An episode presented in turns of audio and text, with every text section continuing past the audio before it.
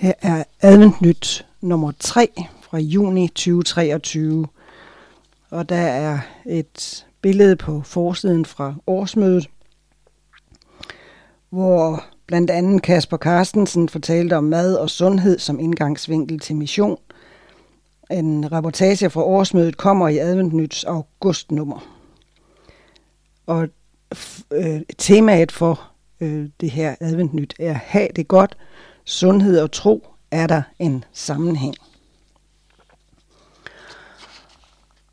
Og vi har en indholdsfortegnelse. På side 3 kommer lederen, side 4 kort nyt, side 8 unionens sider, AL overtager din, dit dankort. Godt nyt fra forskningen på side 10, og på side 13 er der sundhed som religion, spørgsmålstegn. Side 14, sundhed og bæredygtighed. Side 16, spændende samtale om usund tro. Side 18, reform, en del af den tredje engels budskab.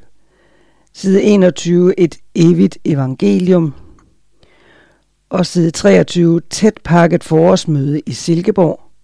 Side 24, Adra Ung i Uganda. Side 26, Kim og Henrik på elektrisk eventyr. Side 28 kommer Vejlefjordkort i Holland. Og så kommer der Sabos sider øh, 30 til 34 fra top til top og Goodly Play og Sabus repræsentantskab. Og side 24 er seniorsiderne erindringer fra Avnsborglejren. Side 36 interview med Line Nielsen. Side 38 lykønskninger. Side 40 Cure sundhedsuge. Side 41 annoncer. 42 nekrologer. Side 43 kollekt og kalender. Og side 44 bagsideklummen begejstring. Og så til sidst Adra Nyt. Her har vi så side 3. Det er er det sundt at være en kristen, og det er Holger Daggaard, som er redaktør af Adventnyt, som har skrevet lederen her. Under denne overskrift lancerede en af kirkens sundhedsfolk for en del år siden en række sundhedsforedrag. Dette spørgsmål har fulgt mig siden. Som adventister har vi altid haft fokus på det sunde liv, men i dag er der også mange andre grupper, myndigheder og enkeltpersoner, der har stort fokus på sundhed. Som myndighed og statsmagt er det oplagt, at tilskynde befolkningen til at leve et sundere liv. Det resulterer nemlig i færre omkostninger til sundheds- og ældreområdet, og måske også en lykkeligere befolkning. Som enkeltperson er det også oplagt at have fokus på sundhed, fordi det giver større livskvalitet. I de fleste tilfælde er det godt, i andre kan dette fokus komme over, så det at leve sundt næsten bliver en religion. Det kommer vi blandt andet ind på i det her nummer. Men er det sundt at være en kristen?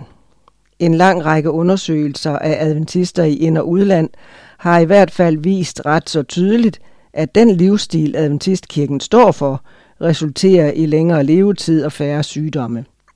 I dette nummer af Advent Nyt kan du læse om nye undersøgelser, der endnu en gang slår dette fast. Men kan troen også ende med at være usund? Dette spørgsmål berøres i en artikel i bladet. Hvis troen giver følelsen af skyld og dårlig samvittighed over ikke at være god nok, er det ikke en sund tro. Hvorfor bør vi som adventister leve sundt? Er det for at leve længe? Er det for at gavne os selv? Eller er det for at gavne vores medmennesker og planeten? Motivationen for det sunde liv må først og fremmest være, at det sætter os bedst muligt i stand til at tjene Gud og vores medmennesker. Min kære, frem for alt ønsker jeg, at du må have det godt og være rask, ligesom din sjæl har det godt. 3. Johannes 2. God læselyst.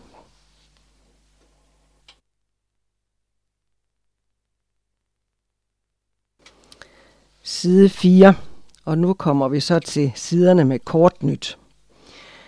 Det er Erik Jørgensen, som har skrevet om offentlige møder i Jerslev. Jerslev menighed blev meget velsignet af at få penge fra Unionens Missionsfond til fire offentlige mødeaftener.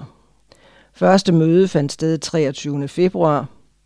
Der var en udstilling med roll-ups, dels fra Adra, dels med de otte sundhedsnøgler langs væggene i hele salen. Lasse Flinker blev inviteret til at undervise os om den vigtigste sundhedsnøgle, tro og tillid. Han har altid en levende, engageret og letfattelig måde at lægge budskaberne frem på. Emnerne de enkelte aftener var En verden i kaos, hvor er Gud? Hvorfor findes ondskab, når Gud er kærlig og almægtig? Krigen bag alle krige og en fremtid med håb. Det er en stor styrke at opleve det fællesskab, der kom ud af disse møder i Jerslev forsamlingshus. Forud for møderne var opstillet 10 store plakat, bukke, med vores reklameplakat flere steder i byen, og der var annoncer i fire lokalaviser. Vi fik besøg af 30 personer, heraf 6 ikke-adventister. Nogle af de øvrige sundhedsnøgler er blandt andet vand, motion og kost, men vi fandt ingen sundhedsfaglig person, som kunne undervise os i dem. Så før Lasse kom, havde vi 25 minutter, hvor vi selv studerede de to bøger, Kina-studiet og den plantebaserede kost. Begge baseret på hundredvis af studier og forskningsresultater. I Kina-studiet står der blandt andet direkte, at vi kan spise os ud af type 2-diabetes på 30 dage. Bogen fortæller om en læge i Oslo, der bruger denne behandling til sine diabetespatienter. Ifølge disse bøger er de store synder animalsk kost. Specielt komælk og fede animalske produkter giver livsstilssygdommene. Jeg kan selv tale mere om dette, for i 1994 havde jeg et alt for højt total kolesterol på 8,4, selvom jeg har været vegetar i hele mit liv. Da jeg gik over til hovedsageligt vegansk kost, gik kolesteroltallet hurtigt ned. Vi har også et ansvar over for de flygtninge, der kommer til landet. Vi bør advare dem om farerne ved almindelig traditionel dansk kost. Vi hørte en historie om en adventistflygtningefamilie fra Afrika, som kom til Norge i 2004. De spiste alt det, de bedst kunne lide, og efter en tid fik faren hjerteproblemer – Selvom de blev advaret mod at leve af smør, fløde og bagerivarer, tog de ikke imod advarslen med det resultat, at han senere døde af en blodprop i hjertet, kun 52 år gammel, og med yngste barn på 12 år. Ved møderne uddelte vi en brochure fra Fredheim Livsstilscenter i Norge. Her fortæller en tidligere gæst, at han blev fuldstændig helbredt fra sin allergi efter et ophold på Fredheim Livsstilscenter. Han gik nemlig over til overvejende plantebaseret kost, så det følgende forår viste det sig, at han var helt frisk og rask. Ved møderne hørte vi også om en af USA's store kvindelige forfattere, Ellen White, som var meget syg i sine teenageår. Da hun gik over til plantebaseret kost, oplevede hun en meget bedre sundhedstilstand. Som bekendt var hun frontfigur i USA's sundheds- og afholdsarbejde helt frem til sin død i 1915. Efter foredragene var der en hyggelig stemning, hvor de fremmødte blev siddende og hyggesnakket omkring serveringen, som stod fremme hele tiden, bestående af veganske kiks, kakao lavet af havremælk, te og koffeinfri kaffe, druer og meloner. Vi havde også en udstilling af de mange spændende veganske produkter, som vi finder i butikkerne, så vi takker Gud for fine møder og hans rige velsignelse. Og så har vi en skandinavisk tur for unge musikanter fra USA. Og det er Carsten Thomsen fra Nærmenighed, som fortæller om det. Og der er også billeder af det. Upper Columbia Academys kor og orkester turnerede i Norge, Danmark og Sverige i to uger midt i marts. Skolen, altså 8. til 10. klasse, drives af 7. dags Adventistkirken og ligger i et landbrugsområde nær Spangle, 30 km syd for Spokane i staten Washington i USA. Skolen har 270 elever, og af disse bor 200 i skolens internat.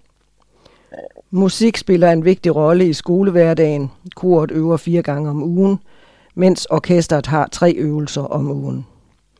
Koret med 26 medlemmer og orkestret på godt 50 musikanter spillede til næsten fuldt hus i Nærmadentist Kirke fredag aften den 24. marts. Den godt halvanden time lange koncert inkluderede klassiske og moderne arrangementer for fuldt orkester, kor, kororkester, strygekvartet, blæsere, a cappella, oktet, samt flere vokale og instrumental solo. Næsten udmattet efter daglige koncerter og lange busrejser samt hele dagen som turist i København, så de unge mennesker meget trætte ud, da koncerten begyndte.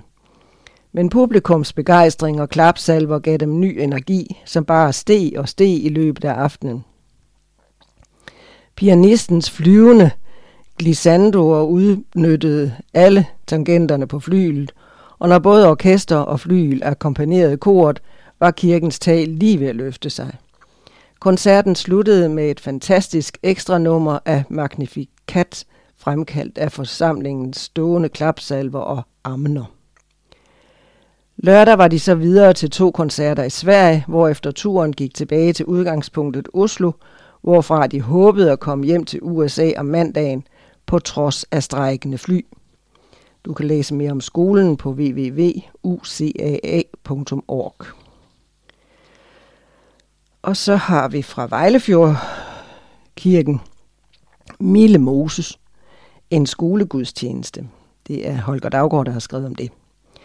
Vejlefjordkirken dannede den 11. marts endnu en gang rammen om en festlig skolegudstjeneste, udført af skolens yngste elever.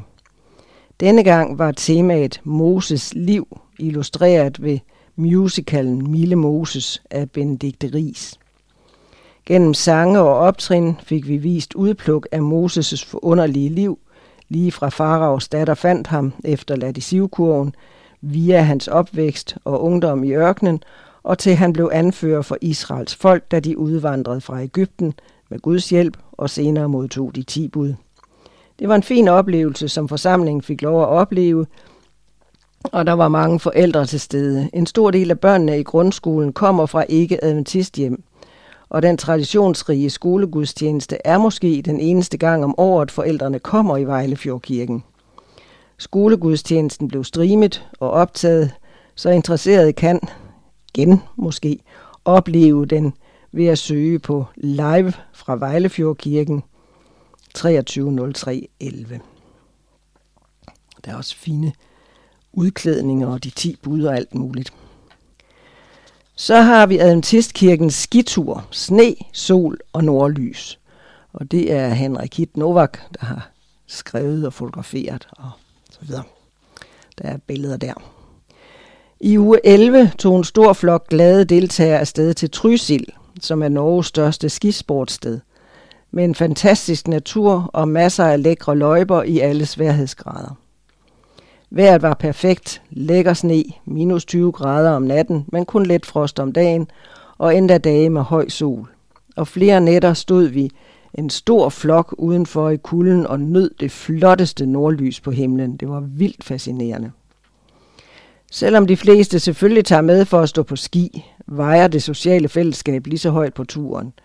Hyggen omkring måltiderne, andagt og lovsang om aftenen, spil og samtale er lige så vigtige faktorer for en god tur.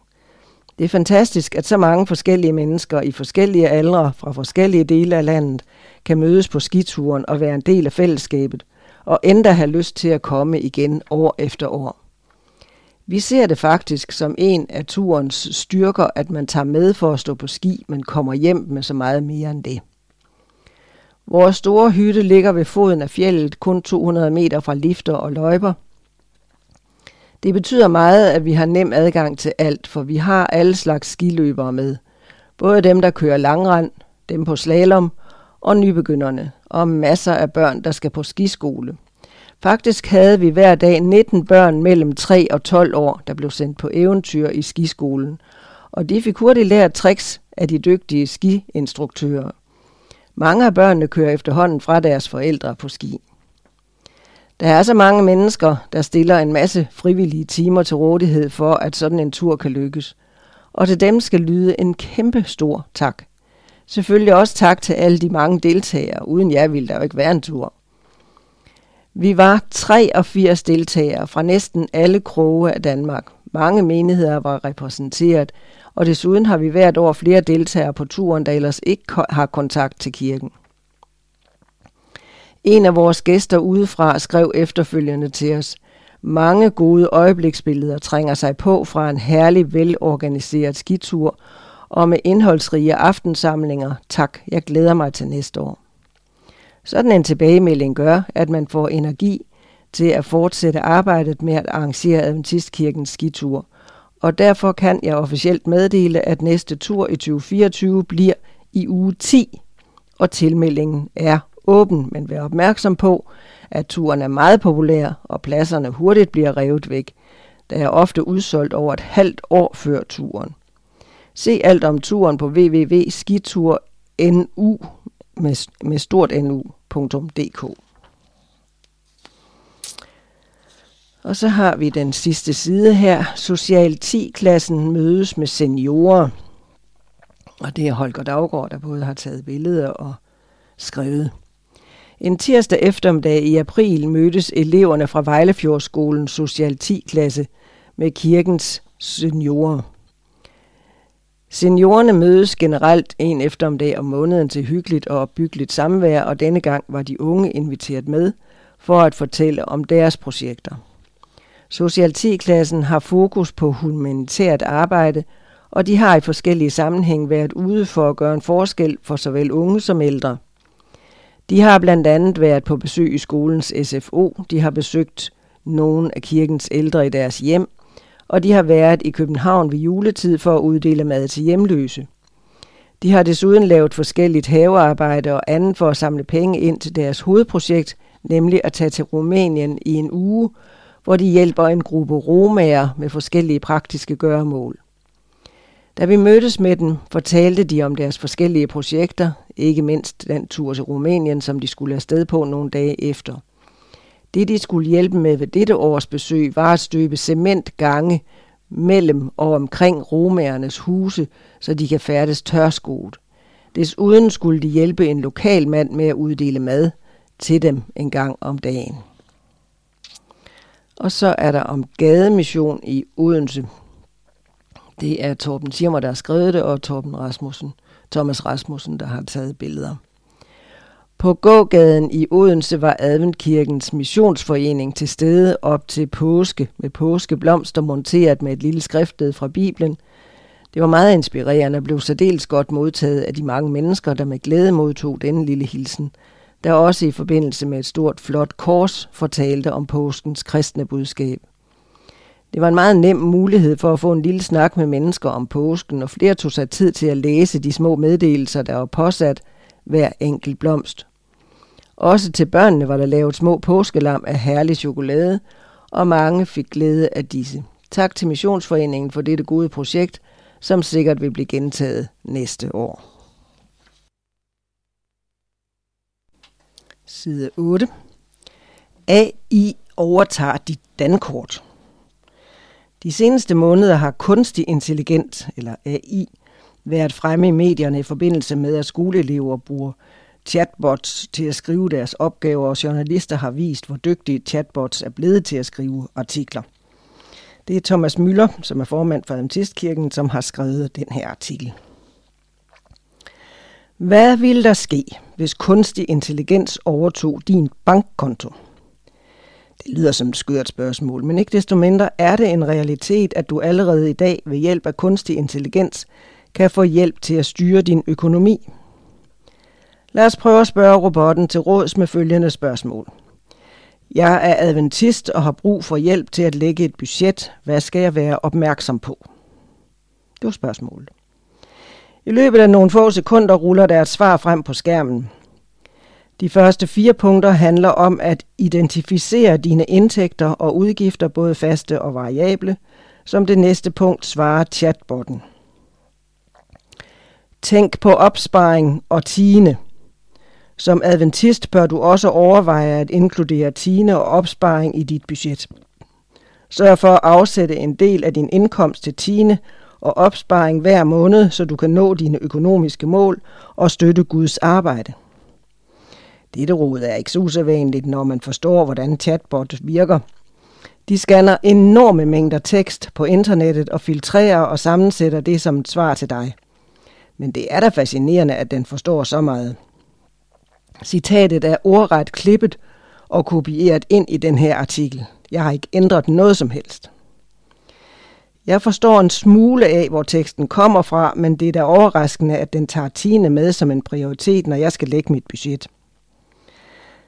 Dernæst stillede jeg følgende spørgsmål til chatbotten. Skriv en artikel til adventister om de bibelske argumenter for at give tiende. Og værsgo. Læs med her og se, hvad du synes. Og det er igen alt det direkte, som chatbotten har skrevet. Tiende er en bibelsk praksis, der involverer at give en tiendedel af ens indkomst til Gud. I Adventistkirkens kontekst er tiende en vigtig praksis, og det er mange bibelske argumenter for at give tiende. I denne artikel vil vi undersøge nogle af de bibelske argumenter for tiende, som adventister tror på. For det første, tiende var en praksis i det gamle testamente – Tiende er en praksis, som stammer fra det gamle testamente, og det var en praksis, som israelitterne praktiserede. I 3. Mose 27.30 står der, at alt tiende af jorden, både af frugten, af træerne og af markens afgrøde, tilhører Herren. Dette betyder, at Gud har krav på tiende af alt, hvad vi har. For det andet, Jesus bekræftede tienden i det nye testamente. Selvom tiende primært er en praksis, som stammer fra det gamle testamente, bekræfter Jesus også tienden i det nye testamente. I Matthæus 23, 23 siger Jesus, Ved jer I skriftkloge og farisæere, I hyklere, I giver tiende af mynte, dild og kommen, men har overset det væsentlige i loven, retfærdighed, barmhjertighed og troskab. Dette skulle I have gjort, uden at lade det andet være ugjort. Her viser Jesus, at tinen stadig er relevant, men at det også er vigtigt at praktisere retfærdighed, barmhjertighed og troskab. Og for det tredje, tiende giver mulighed for at støtte Guds arbejde. En af de vigtigste grunde til at give tiende er at støtte Guds arbejde. I 2. Korintherbrevet 9, 7 står der, at Gud elsker en glad giver. Ved at give tienden støtter vi det arbejde, som Gud gør i vores verden. Adventister tror, at tienden er en måde at støtte menighedens arbejde, mission og hjælpearbejde i verden. Tiende er en måde at praktisere tillid til Gud. Tiende er også en måde at praktisere tillid til Gud. Når vi giver tiende, viser vi, at vi tror på, at Gud vil tage sig af vores behov. I Malakias 3.10 siger Gud, bring hele tienden ind i forrådshuset, så der kan være føde i mit hus. Prøv mig på denne måde, siger Herren Sebaot, om jeg ikke vil åbne himlens sluser for jer og lade velsignelser strømme ned over jer i rigt mål. Dette vers viser, at når vi giver tiende, så tester vi også Guds løfte om at velsigne os. For det femte, tiende er en del af vores forpligtelse over for Gud. Endelig tror adventister, at tienden er en del af vores forpligtelse over for Gud. Det var så chatbotten. Igen har jeg intet gjort i ovenstående lille artikel om Tine. Den kommer direkte fra chatbotten. Jeg kan ikke helt gennemskue, hvor den trækker bibelteksterne fra. De er hverken fra 92-udgaven eller Bibelen på hverdagsdansk, men ligner en oversættelse, den selv sammensætter fra forskellige engelske udgaver. Vi lægger denne artikel på Adventistkirkens Facebook-side, hvor du har mulighed for at kommentere på, hvilke punkter du synes chatbotten mangler i sin oversigt. Men tilbage til mit indledende spørgsmål. Hvad ville der ske, hvis kunstig intelligens, altså AI, overtog din bankkonto? Mit bedste bud er, at den kunstige intelligens ganske hurtigt vil opdage, at du jævnligt lørdag formiddag opsøger en adventistkirke ud fra digitale spor, din telefon efterlader, den vil i hvert fald hurtigt genkende dit religiøse tilhørsforhold, når den ser, hvilke grupper du er med i på Facebook, eller hvilke opslag du reagerer på på Instagram. Så når du er adventist, vil chatbotten vide, hvis den overtager styringen af din økonomi, at der skal lægges penge til side til tiende. Måske dette vil være et godt tidspunkt for dig at spørge chatbotten, hvad er formålet med Thomas' artikel i Adventnyt om kunstig intelligens? Men inden chatbotten svarer, skal du have lov til at høre det fra min egen mund. Årsagen er naturligvis, at vi de første tre måneder i sabberskolen har studeret emnet tiende, og som chatbot-artiklen rigtig nok gør opmærksom på, er det en måde at udtrykke din tillid til Gud på. Jeg er glad for, at chatbotten ikke returnerede en automatisk velsignelse til dig, fordi du giver tiende, men havde fokus på, at det handler om at støtte Guds arbejde og udtrykke tillid til ham. Alt for ofte har jeg hørt løfter om Guds velsignelse koblet sammen med opfordringen til at give tiende. Jeg mener, at vi skal være forsigtige med at antyde en automatik her. Uden tvivl venter Gud med længsel på at velsigne dig, men det afhænger ikke af dit økonomiske bidrag til kirken. En ærlig tiende må have andre motiver end en belønning fra Gud. Din tiende bør gives ud fra en taknemmelighed over det liv, du får lov til at leve. Men nu er det jo ikke chatbotten, der bestemmer over dit dankort, men dig, der lægger budget og afsætter vigtige poster i budgettet hver måned, så du sikrer, at der er nok til dig og din familie. Og hvis du endnu ikke har for vane at give tiende, så prøv med 2% eller 5% i en periode og se, om ikke du klarer dig for lidt mindre, for til gengæld at nyde glæden ved at give tilbage til Guds sag.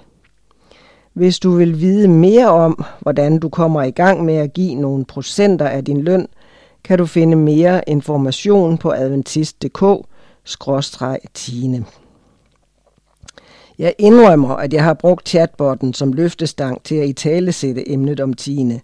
At give tiende må aldrig være på baggrund af dårlig samvittighed, og aldrig som en tilbagebetaling af gammel skyld. Men det må alene bygge på din begejstring for, hvad Gud har givet dig og velsignet dig med. Men lad dig gerne inspirere af den kunstige intelligens anbefaling. Side 10. Godt nyt fra forskningen. Det er Thor Tjerrensen, øh, TED-nyhederne, som har skrevet det. Adventister har 97% lavere risiko for at dø i en bilulykke. Deltagerne på en nordisk helsekongres i Oslo i Norge kunne næsten ikke tro deres egne ører, da forsker Niels Christian Witt fortalte, at adventister og baptister i Danmark har 97% lavere risiko for at dø i en trafikulykke – sammenlignet med den generelle befolkning. Unik forskning. I en præsentation med titlen Kan tro flytte bjerge, gav Niels Christian Witt rigelige beviser for, hvordan tro er en væsentlig bidragyder til et godt helbred, i det han trak på en række undersøgelser herunder The Danish Religious Society's Health Study. Niels Christian Witt, som er professor i åndelig omsorg ved Syddansk Universitet, og hans forskningspartner, dr. Christoffer Johansen, forskningsleder på onkologisk afdeling på Rigshospitalet i København, har gennemført en unik undersøgelse for at afdække, hvordan religiøs tro påvirker sundheden. Stikprøven bestod af 5.000 baptister og 7.000 adventister. Der havde været medlemmer af deres respektive kirkesamfund mellem 1920 og 2005. Undersøgelsen, der begyndte i 2004, matchede disse deltagere med deres officielle offentlige sundhedsjournaler ved hjælp af deltagernes personnummer. Ved at sammenligne forekomsten af forskellige sygdomme i prøven med den generelle befolkning, fandt forskerne, at religiøse individer har signifikant lavere risiko for forskellige kroniske sygdomme som kræft og diabetes.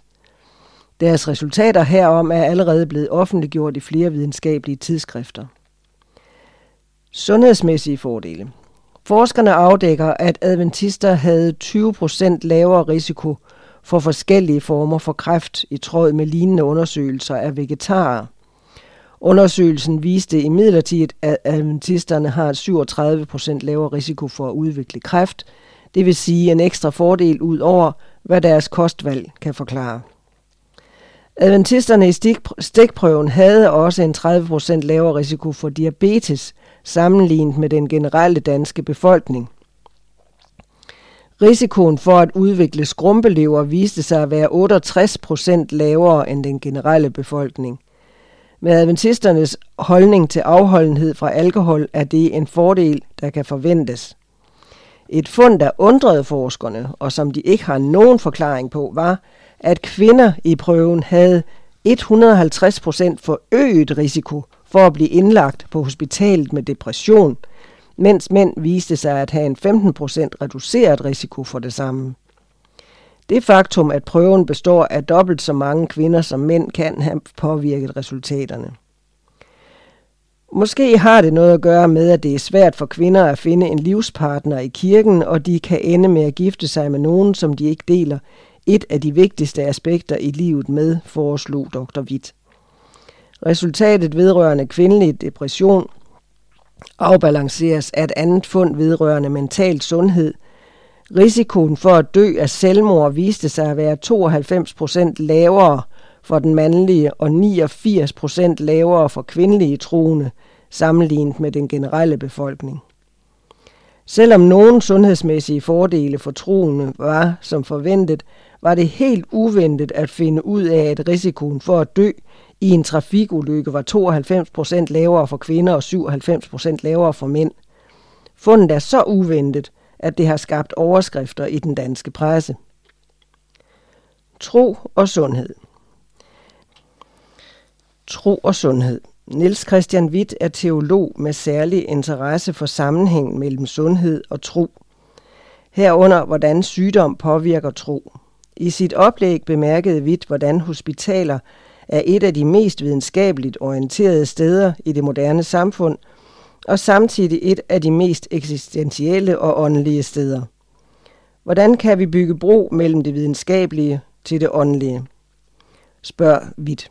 Vi har så travlt, da vi har så travlt med at behandle patienten, har vi sjældent tid til at stoppe op og tænke over, hvilke åndelige behov patienten har. Dr. Witts forståelse af Bibelen har været med til at forme hans forskningstilgang. Han fremhævede, hvordan cirka en tredjedel af versene i Markus evangeliet henviser til Jesu mirakler, og udtalte, Jesu helbredende mirakler er dybt integreret i evangeliets beretning om, hvem Jesus var. Dr. Witt kritiserede overdreven opdeling i sundheds- og plejeudbydere og tilføjede.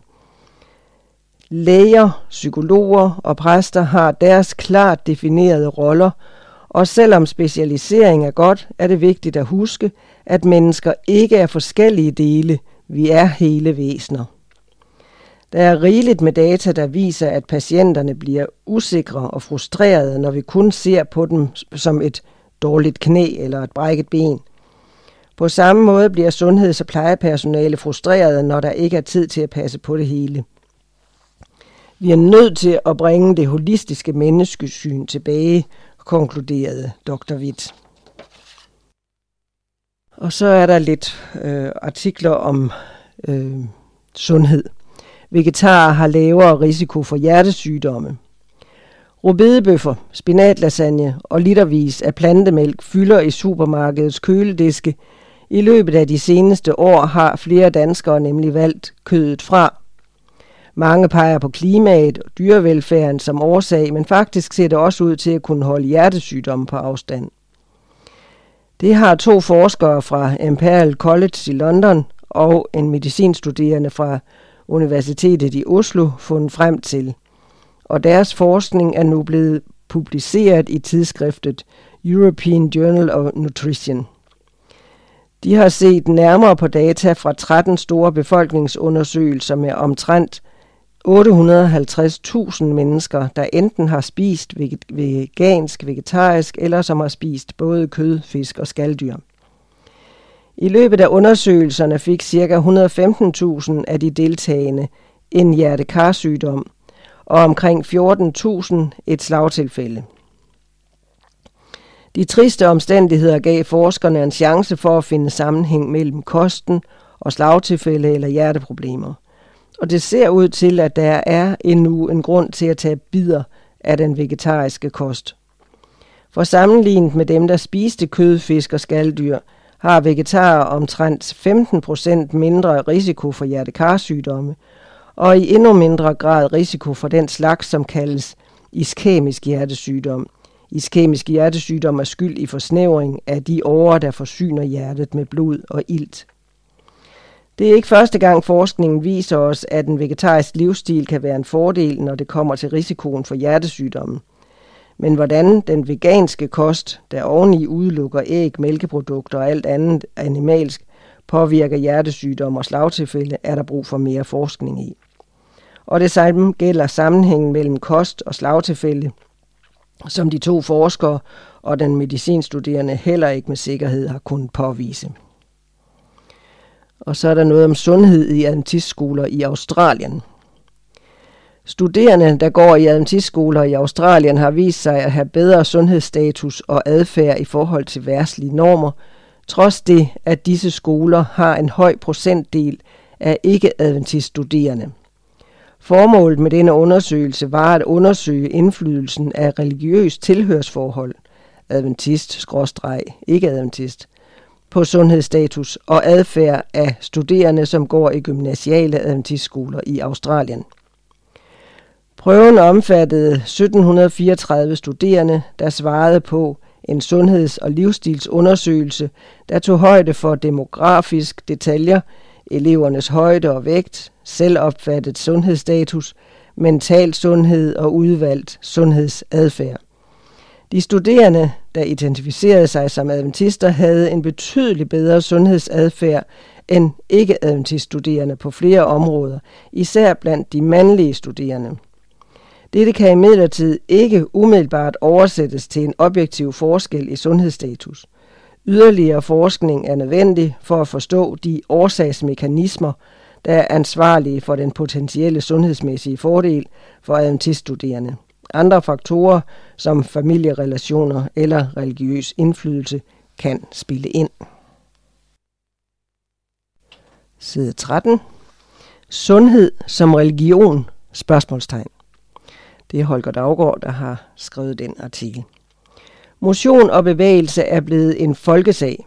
Flere og flere løber, går stavgang, cykler eller går til fitness, og det er rigtig godt.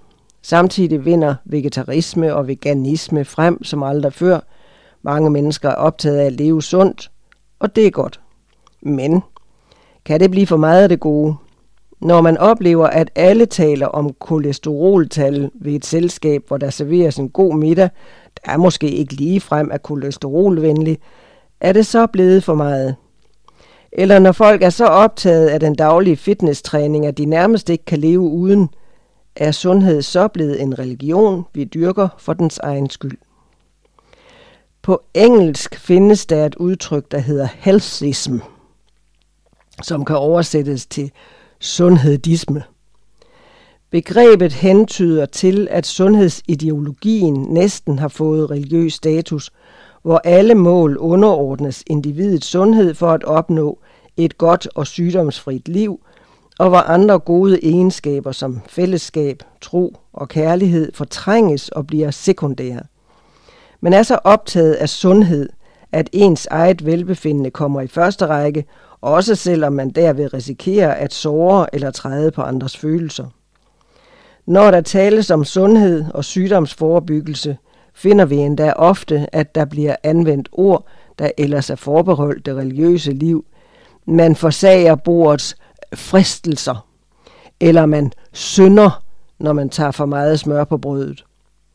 Sundhedisme handler om, at snakken om sundhed er blevet for meget, fordi talen om sund levevis følges af moralisering. Fordi man selv dyrker sport og er åleslank, er det fristende at se ned på andre, der ikke motionerer og derfor måske ikke er helt så slanke. Det bliver nærliggende at stemple den overvægtige som doven, eller rygeren som taber, og hvis de bliver syge, så er det deres egen skyld. Sundhedismen ender med at blive en barsk religion, der ikke giver plads til syndsforladelse og tilgivelse.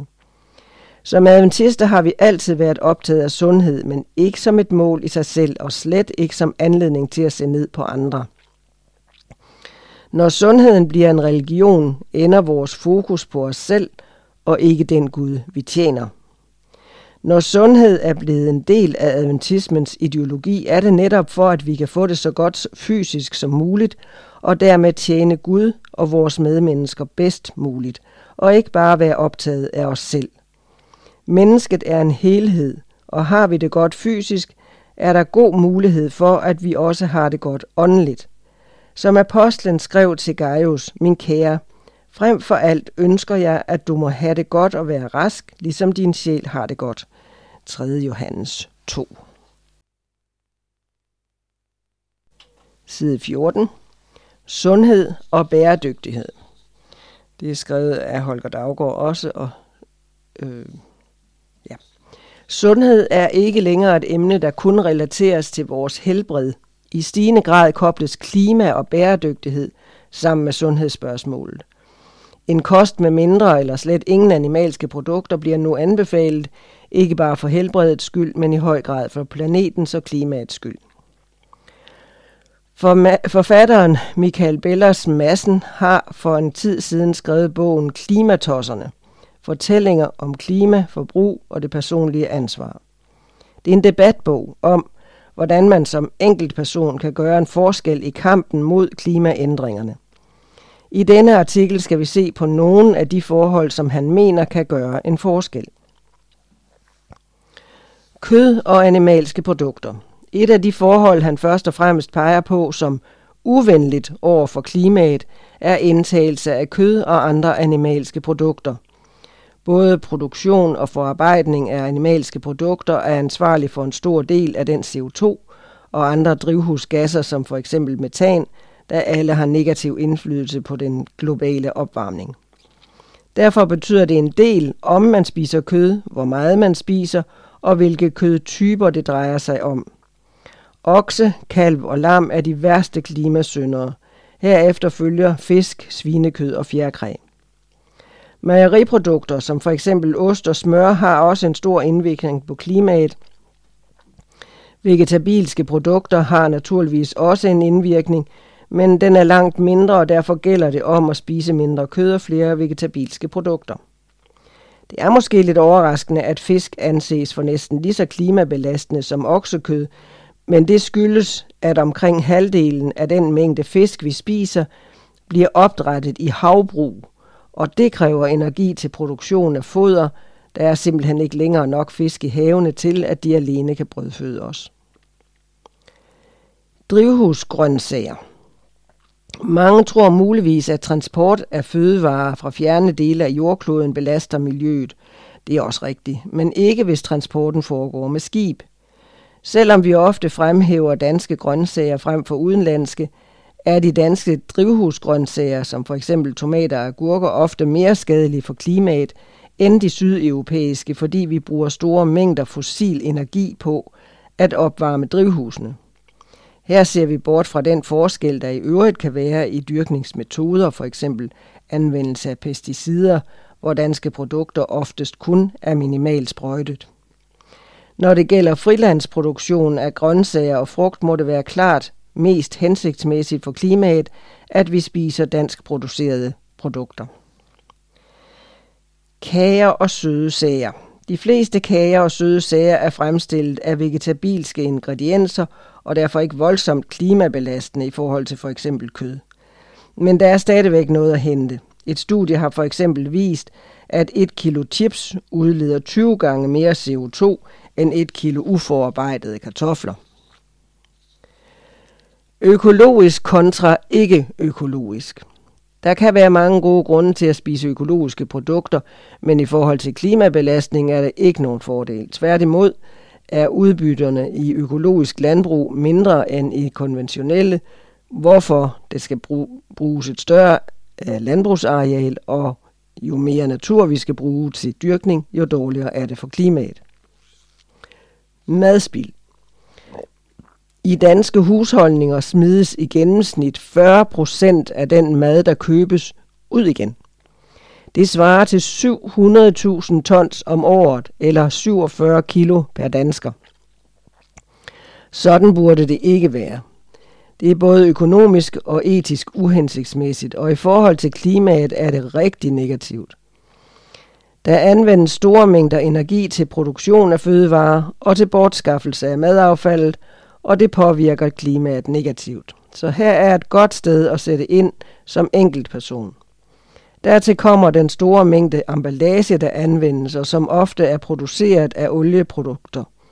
Det er klart, at emballagen er med til at forøge holdbarheden, men man bør, bør alligevel begrænse mængden. bæredygtighed og trivsel. Michael Biller Madsen har selv beskæftiget sig med sammenhængen mellem folks trivsel og det at leve bæredygtigt. Det viser sig, at når vi gør noget, som har et mål, der ligger ud over vores personlige behov, så giver det os større trivsel. Han mener, at man sagtens kan opnå trivsel og samtidig sænke sit CO2-aftryk. Man behøver ikke nødvendigvis føle, at man skal lide afsavn, når man antager en mere bæredygtig livsstil. Det er mere et spørgsmål om at tænke sig om. Adventisme og bæredygtighed. Så vidt Michael Beller Madsen. Spørgsmålet er, om det er relevante tanker også for adventister. Vi tror som bekendt, at Jesus en dag vil oprette sit rige, sit evige, bæredygtige rige. Så er det ikke lige meget, hvordan vi behandler kloden indtil da. Absolut ikke. Da Gud skabte verden, blev mennesket sat som ansvarlig forvalter af skaberværket. Det betyder, at vi ikke bare kan lade stå til. Måske burde vi for længst have inddraget bæredygtighed i vores forståelse af sundhedsspørgsmålet. Og i hvert fald bør vi, der bor i Vesten, i højere grad indrette vores livsstil sådan, at der bliver mad og muligheder for alle på kloden. Klimaforandringerne ser ud til at forværre livsvilkårene mere i de sårbare dele af kloden end i de vestlige lande samtidig med, at det er vores vestlige livsstil, der i høj grad har skabt problemerne. Derfor har vi i Vesten ikke mindst et ansvar for, så godt vi kan, at mildne eller fjerne de negative konsekvenser af klimaforandringerne. Side 16. Spændende samtale om usund tro. Det er skrevet af Atle Haugen fra det norske Adventnyt. Hvordan kan det, der for nogen er så trygt og godt og rart, blive så forkert for andre? Det er det spørgsmål, den norske forfatter As Aslav Olette Clausen har taget op i sin bog Ingen er så tryg i fare, der for nylig er udkommet på Humanistisk Forlag i Norge. Usund tro er et emne, som nordmanden Harald Gisebrecht har beskæftiget sig med. Da han fik fat i Aslav Olette Clausens bog, opdagede han en forfatter, som havde arbejdet endnu grundigere med dette emne end ham selv. Det inspirerede ham til at invitere hende til samtale på Tyrefjord videregående skole den 4. februar i år. Mødet vagte stor interesse og kunne følges både lokalt og via streaming på internettet. Clausen fremstod ydmyg og yderst ærlig og troværdig i sit ønske om at skabe dialog om de negative konsekvenser af usund trosformidling. Hun tager i bogen udgangspunkt i sin egen traumatiske oplevelse, men oplever, at mødet med mange andre, der har lignende oplevelser, gør det lettere at tale om det. Problemet med usund udbredelse af tro er, at det som regel sker med de bedste intentioner – Desuden er vi forskellige. Hun fortalte om sin bror, der ikke har samme oplevelse af trosformidling hjemmefra, og derfor stadig er troende. Forfatteren beskriver i dag sig selv som agnostiker, men i stedet for at konfrontere forældrene, kirken, autoritetsfigurer, ønsker hun en samtale, der kan hjælpe nye generationer med at få et sundt forhold til spørgsmål om tro og gudsbillede. I sin samtale med Gisebrecht sagde hun, at mange af de traumer, folk taler om, handler om frygten for at gå fortabt og en følelse af skyld og ikke at være god nok. Dette har igen konsekvenser for både ens selvbillede og forståelsen af Gud. Social kontrol og begrænsninger, der skaber en følelse af eksklusion og manglende plads til at stille spørgsmål, var også faktorer, hun havde beskrevet som grundlaget for traumer og usikkerhed. I samtalen kom Clausen og Gisebrecht også ind på, at mange, der bryder ud og forlader troen, fortæller om følelsen af at have mistet noget, tab af fællesskab og venskab. Nogle taler om, hvordan dialogen med dem, der stadig tror, ændrer sig, at de troende har en dagsorden om at vinde dem tilbage igen, og at forholdet derfor ikke er så virkeligt som før. Så hvordan kan vi bidrage til en sund trosudvikling? Clausen understregede, at det slet ikke er et mål at få forældre til at stoppe med at kommunikere deres tro til deres børn, Men som forældre skal man være opmærksom på, at man i høj grad giver sine egne erfaringer videre. Derfor er det vigtigt, at der er plads til spørgsmål og indvendinger, som børn måtte have. Troen skal formidles med respekt og plads til, at børn kan udvikle et livssyn på deres egne præmisser. Og frem for alt skal det finde sted i en ramme af ubetinget kærlighed og i en overbevisning om, at forholdet forbliver det samme, uanset hvilke valg man træffer. Mødet på Tyrifjord videregående skole var en samtale, man blev klog af, men også blev udfordret af. Den norske unions skolesekretær Nina Myrdal uddybede samtalen med refleksioner over sine egne oplevelser fra skolen i mødet med børn, der var stødt på usund religiøs kommunikation. Hun understregede også vigtigheden af at påvirke med respekt. En sund tro er en personlig tro. Side 18. Reform. En del af den tredje engels budskab. Og det er Thor Tjerrensen, som er leder af medieafdelingen i Norge, der har skrevet det. Bibellektierne for april, maj og juni måned har de tre engles budskaber som gennemgående tema. I den anledning er kirkens ledere fra Sverige, Norge og Danmark blevet enige om at sætte fokus på emnet i tre aktuelle artikler. I Adventnyts aprilnummer bragte vi sammen med en fælles hilsen fra de nordiske adventistledere den første artikel. På de følgende sider bringer vi så de næste to artikler om emnet. Grundlæggerne af 7. dags Adventistkirken i 1863 var idealister og reformatorer. De tidlige adventister var ikke tilfreds med en tilbedelse præget af formalisme. Deres entusiasme for Jesus krævede, at de levede som hans disciple i hverdagen. Alt hvad de gjorde skulle være præget af en dyb taknemmelighed for, hvad Jesus betød for dem.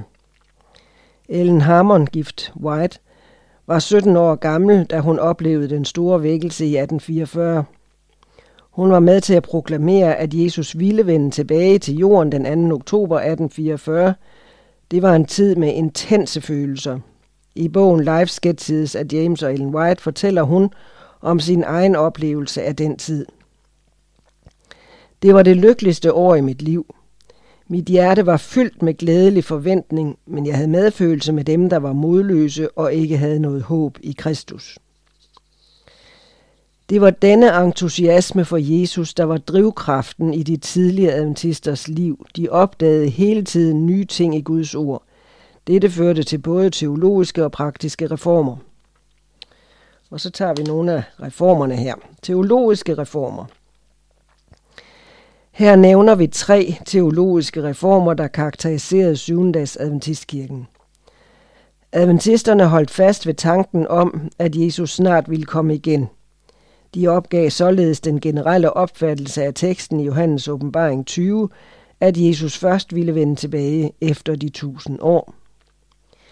De blev overbevist om, at den hviledag Gud taler om i de ti bud er lørdag og ikke søndag – denne indsigt førte til en radikal hviledagsreform. De opgav den almindelige kristne opfattelse, at mennesket lever videre i himlen efter døden. Bibelens lære om den menneskelige natur viser, at døden er en tilstand uden nogen form for bevidsthed. Samtidig afviste kirkens grundlæggere tanken om, at de ugudelige vil lide i et evigt brændende helvede. Disse teologiske reformer var knyttet til de tre engles budskaber i Johannes åbenbaring. Udtrykket de tre engles budskaber blev efterhånden en etiket, som blev anvendt på alle de bibelske sandheder, de genopdagede og de teologiske og praktiske reformer, der blev motiveret af studiet af Guds ord. De tidlige adventister var meget aktive i at bidrage til praktiske og sociale reformer i det amerikanske samfund – og kvinder stod i spidsen for dette arbejde. Slaverireform 1800-tallet var en tid med store omvæltninger i USA. 7. dags Adventistkirken blev grundlagt under den amerikanske borgerkrig 1861-65. Krigen kostede over 1 million mennesker livet. Det, der udløste krigen, var om slaveri skulle tillades i vestlige stater. Abraham Lincoln var stærkt imod slaveri. Han blev taget i ed som USA's præsident den 4. marts 1861. Lidt over en måned senere var krigen en kendskærning. I denne meget urolige tid kæmpede nøglepersoner i adventbevægelsen mod slaveri. De syntes, det var umenneskeligt og ubibelsk. Allerede i april 1835 hjalp Joseph Bates med at starte en antislaveriforening øh, i sin hjemby Fairhaven i Massachusetts.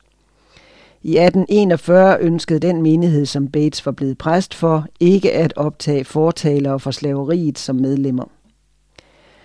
USA's lovgivning krævede, at borgerne returnerede undsluppende slaver til deres ejere. Bare for at hjælpe en undsluppen slave med mad og husly medførte en maksimal økonomisk straf og 6 måneders fængsel. Ellen White var så kritisk over for loven, at hun opfordrede til civil ulydighed.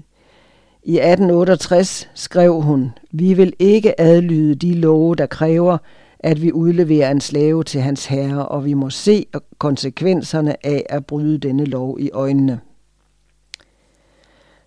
Der var også en kvindereform. 1800-tallets adventister i USA var også ivrige fortalere for bedre forhold for kvinder. I Vesten tager vi i dag kvinders stemmeret for givet. Dette var ikke tilfældet, da 7. dags adventistkirken blev grundlagt. Den første amerikanske stat, der gør kvinder stem, gav kvinder stemmeret, var Wyoming i 1869. I 1920 fik kvinder stemmeret i hele USA. Ellen White har ikke skrevet noget, der opfordrer til at give kvinder stemmeret i politiske valg. Men hun var klar over, at kirken måtte gøre brug af kvinders indsats og indflydelse på et niveau, der var usædvanligt på hendes tid. USA var et mandsdomineret samfund, hvor kvinders traditionelle rolle var i hjemmet. Vi må ikke være passive tilskuere til de udfordringer, der findes i verden. Vi skal tage et socialt ansvar og fortsætte kirkens tradition og være med til at gennemføre de nødvendige reformer.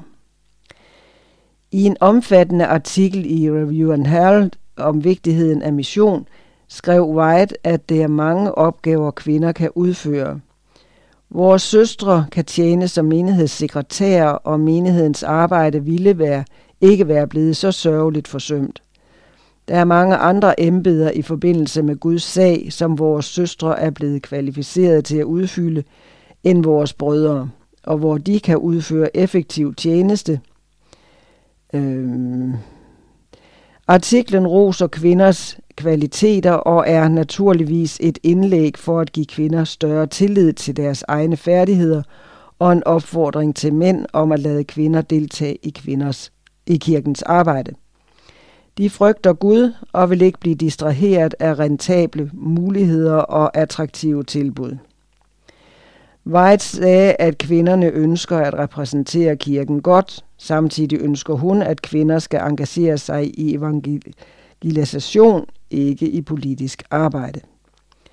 White frarådede 7. adventist kvinder at engagere sig i spørgsmålet om kvinders stemmeret.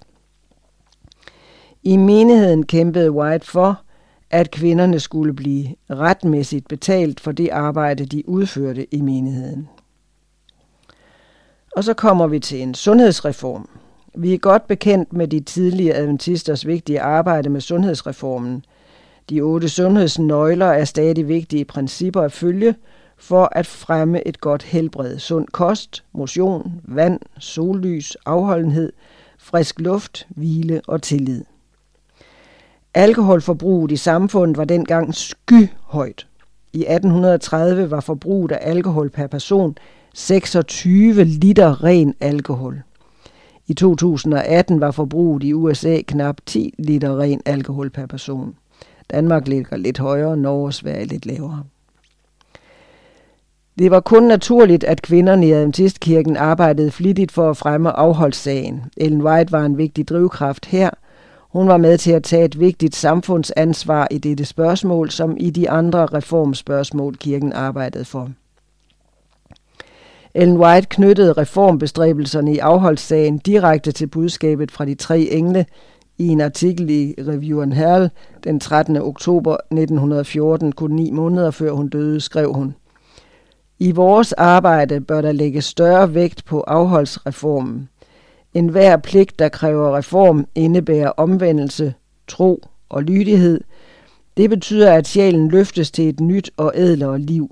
Således kan en hver sand reform, har en hver sand reform sit, et, sin plads i arbejdet med den tredje engels budskab. Især afholdsreformen kræver vores opmærksomhed og støtte. Hun mente, at alle de vigtige reformer, kirken arbejdede for, var en del af de tre engles budskaber, både teologisk og praktiske reformer. Reformer i dag? Spørgsmålstegn. Vores tid byder også på udfordringer. Vi må ikke være passive tilskuere til de udfordringer, der findes i verden. Vi skal tage et socialt ansvar og fortsætte kirkens tradition og være med til at gennemføre de nødvendige reformer – på Ellen Whites tid var alkoholmisbrug et af samfundets største problemer. I dag er det utvivlsomt klimaspørgsmålet. Lige så naturligt som kirkens grundlæggende ligger arbejdet for mådehold, må vi i dag arbejde for at begrænse udledningen af drivhusgasser, der ødelægger skaberværket. Side 21. Et evigt evangelium.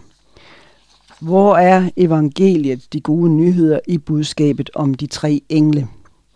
Det er Reiner Refsbæk, missionssekretær i Adventistkirken i Sverige, der har skrevet det her.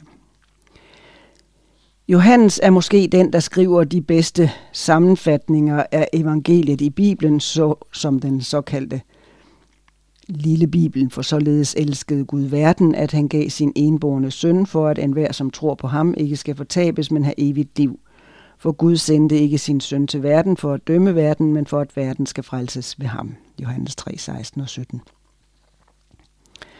Samtidig synes Johannes bevidst at undgå ordet evangelium i alt, hvad han skriver, mens de andre evangelister og selv apostlen Paulus elsker at bruge ordet i alle dets former, gemmer Johannes ordet til den sidste bog i Bibelen, Johannes' åbenbaring – og så bruger han det kun én gang og på en måde, som ingen anden vil at tilføje objektivt, adjektivet evigt. Johannes åbenbaringen 14.6.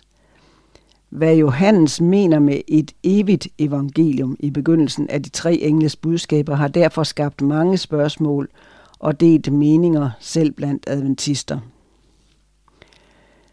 Gode nyheder i kamp. Ordet evangelium – Øh, på græsk udtales det evangelion, betyder glædesbud eller gode nyheder, og er et politisk og militært udtryk, der for eksempel bruges, når en konge har vundet en krig eller politisk magtkamp. Det er også sådan ordet primært bruges, når det lånes ind i Bibelen allerede i det gamle testamente. Den gamle oversættelse fra hebraisk til græsk, Septuaginta, den bibel, der ofte citeres i det nye testamente, Septuaginta. I den græske oversættelse af profeten Esajas' budskab til Juda, før jødefolkets eksil i Babylon, skildres Guds løfte netop som evangelion. Et budskab om glæde midt i en politisk kamp mellem Gud og jordens riger, eller Babylon, om herredømme over Guds folk. Stig op på et højt bjerg, siger hans budbringer, som bringer gode nyheder. Råb højt, Jerusalems budbringer, råb under, øh, uden frygt, Esajas 49. Hele kapitlet er et kampråb rettet mod Guds fjender til beskyttelse og trøst for Guds folk.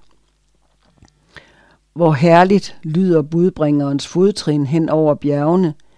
Han forkynder fred, han bringer godt budskab og forkynder frelse – han siger til Sion, din Gud er konge.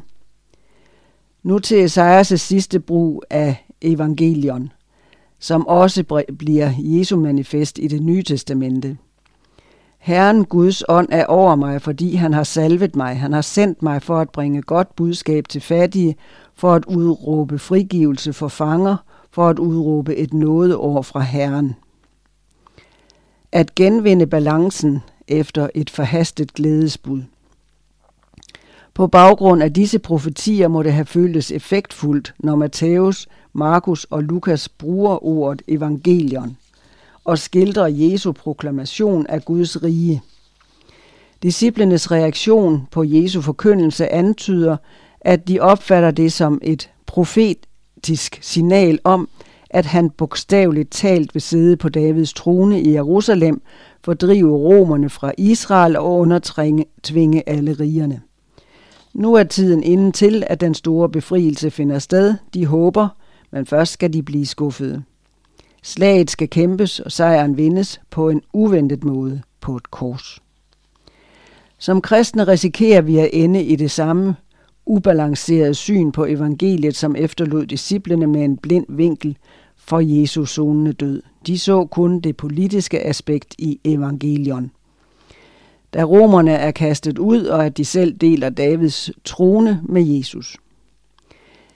Her nu ved tidernes ende reducerer og intellektualiserer vi ofte evangeliet til retfærdiggørelse af noget ved tro til en juridisk transaktion og glemmer evangelion brændende ønske om retfærdighed, hvilket udtrykkes i dommen og hævnens dag.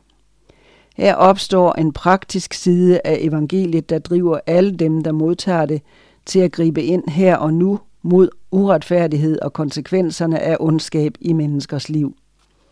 Selvom den personlige frelse givet i kraft af Jesu død og opstandelse også i høj grad er en del af evangeliet, så er det ikke hele det evige evangelium. I budskabet om de tre engle viser et evigt evangelium sig for en verden, der lider under ren ondskab.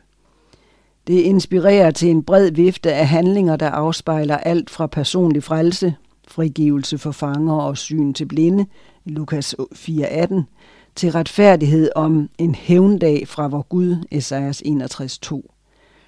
Dette illustreres af den første engels budskab om timen er kommet, da han dømmer, åbenbaring 14.7, men også i budskabet fra den anden og tredje engel, faldet, ja faldet er det store Babylon, vers 8, henholdsvis, de har ingen hvile, hverken dag eller nat, de der hen, øh, tilbeder dyret og dets billede, eller tager dets navn som mærke i vers 11. En god nyhed om en reel sejr over det onde, der proklamerer afslutningen på en reel, uretfærdig og tusindårig krig. At tale stillhed bliver et højt råb. Det er på denne baggrund, at vi kan opleve en tavshed om evangelion i Johannes evangeliet og Johannes' breve. Johannes' formål med evangelierne og brevene er at præsentere et nådeår fra Herren, en Gud, der kommer til verden for at frelse, ikke dømme. Johannes 3, 16 og 17. Mens de tre andre evangelister lægger vægt på evangelion ud fra den kendskærning, at Guds rige er nær, nedtoner Johannes den politiske konflikt med de jordiske riger og citerer Jesu ord til Pilatus, mit rige er ikke af denne verden, Johannes 18:36. Når Jesus taler om Jerusalems ødelæggelse og jordens ende, og når disciplene peger på templet i Matthæus 24, afleder Johannes opmærksomheden fra templet til Jesu læme. Riv dette tempel ned, og jeg vil rejse det igen på tre dage, Johannes 2.19.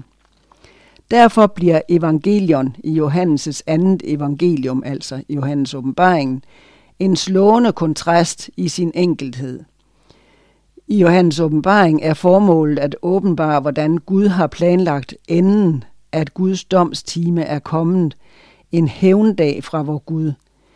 I jordens sidste time må det fulde omfang af Guds evige redningsplan præsenteres, både i nåde og dom. Hvad kunne være bedre end at låne evangelion fra profeten Esajas' gode nyhed til Juda før deres eksil i det første Babylon?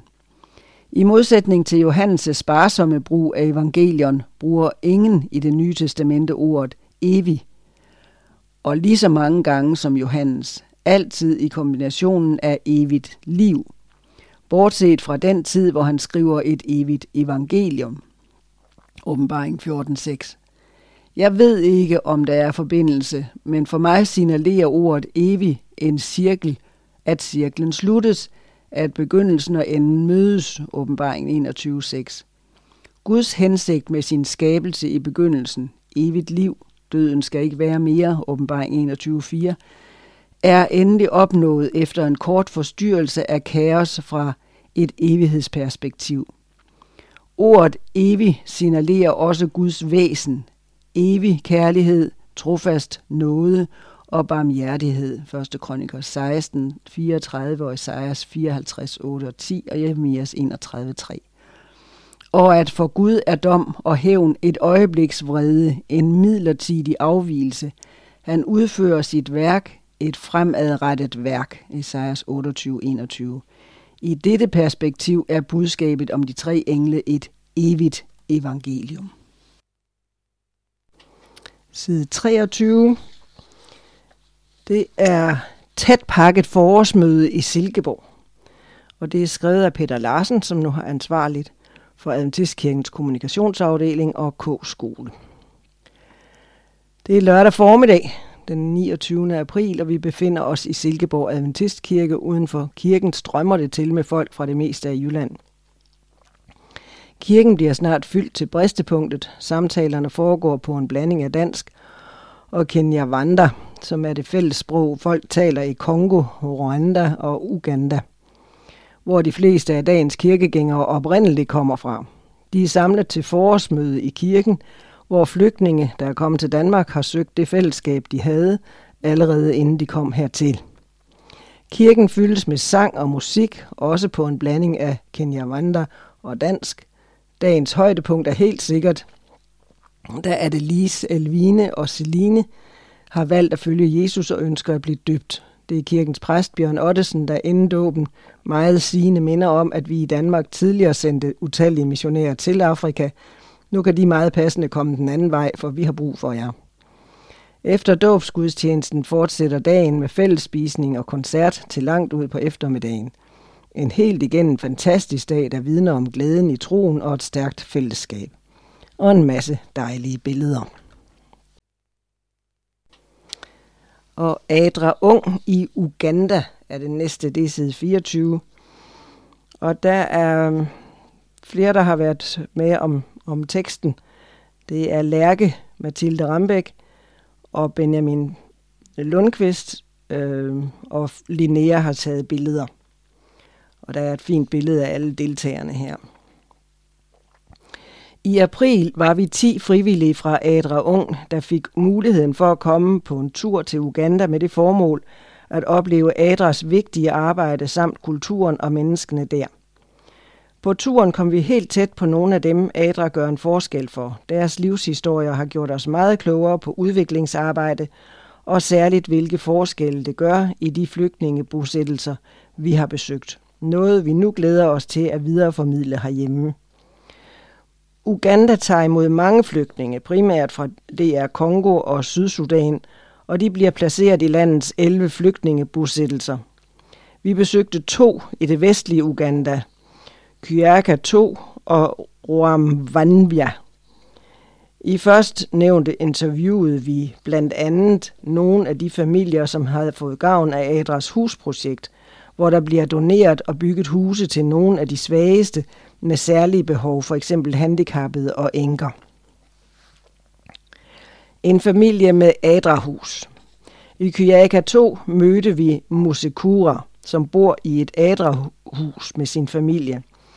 Han og hustruen Rebecca flygtede med deres tre børn fra DR Kongo for fem år siden. Før de ankom til Uganda, blev Mosekura udsat for rebellernes vold i en sådan grad, at han nu blandt andet har nedsat har kraftigt nedsat funktion i benene. For to år siden blev de udvalgt til at flytte ind i Adras, et af Adras huse, og det har gjort en kæmpe forskel for den. Før boede de i et hus, hvor regnen skyllede lige igennem, og de var bange for, om de kunne holde til vind og vejr. Som følge heraf blev de meget ofte syge, sov ikke om natten og følte sig generelt utrygge. Musekuras skader gør fysisk arbejde meget vanskeligt, men han formår alligevel at kæmpe sig op til en symaskine, som han leger flere gader væk for at tjene penge til familien.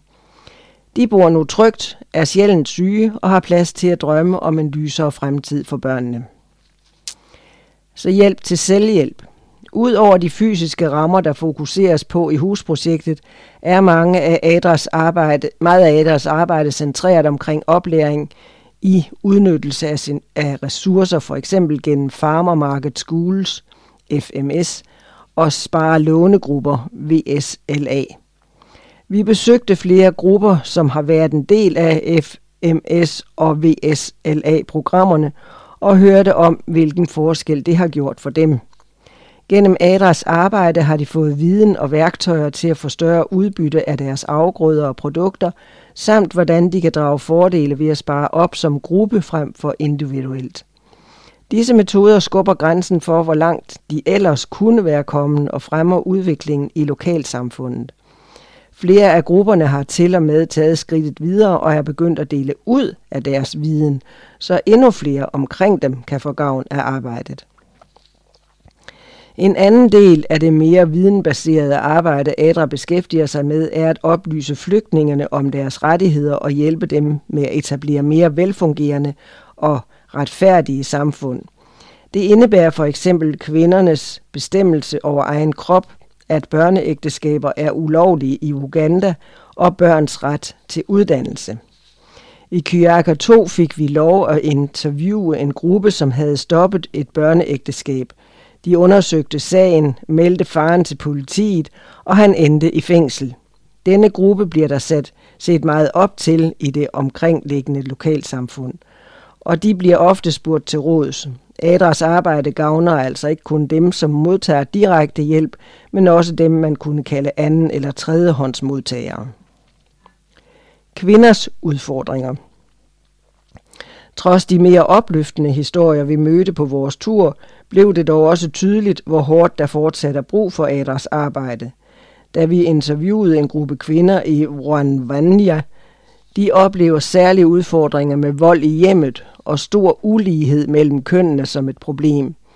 Der er blandt andet tale om kvinder, der har været nødsaget til at gifte sig med deres voldtægtsmænd, og som ikke oplever, at de har ret til at bestemme over deres egen krop og liv. Et samfund bør ikke fungere på den måde, men at ændre på det er et arbejde, der er noget nær umuligt for kvinderne at gøre på egen hånd. Derfor er det vigtigt, at organisationer som ADRA sætter ind. Inden turen kendte vi alle til Adras arbejde, men intet kunne have forberedt os på de oplevelser, vi har fået med hjem.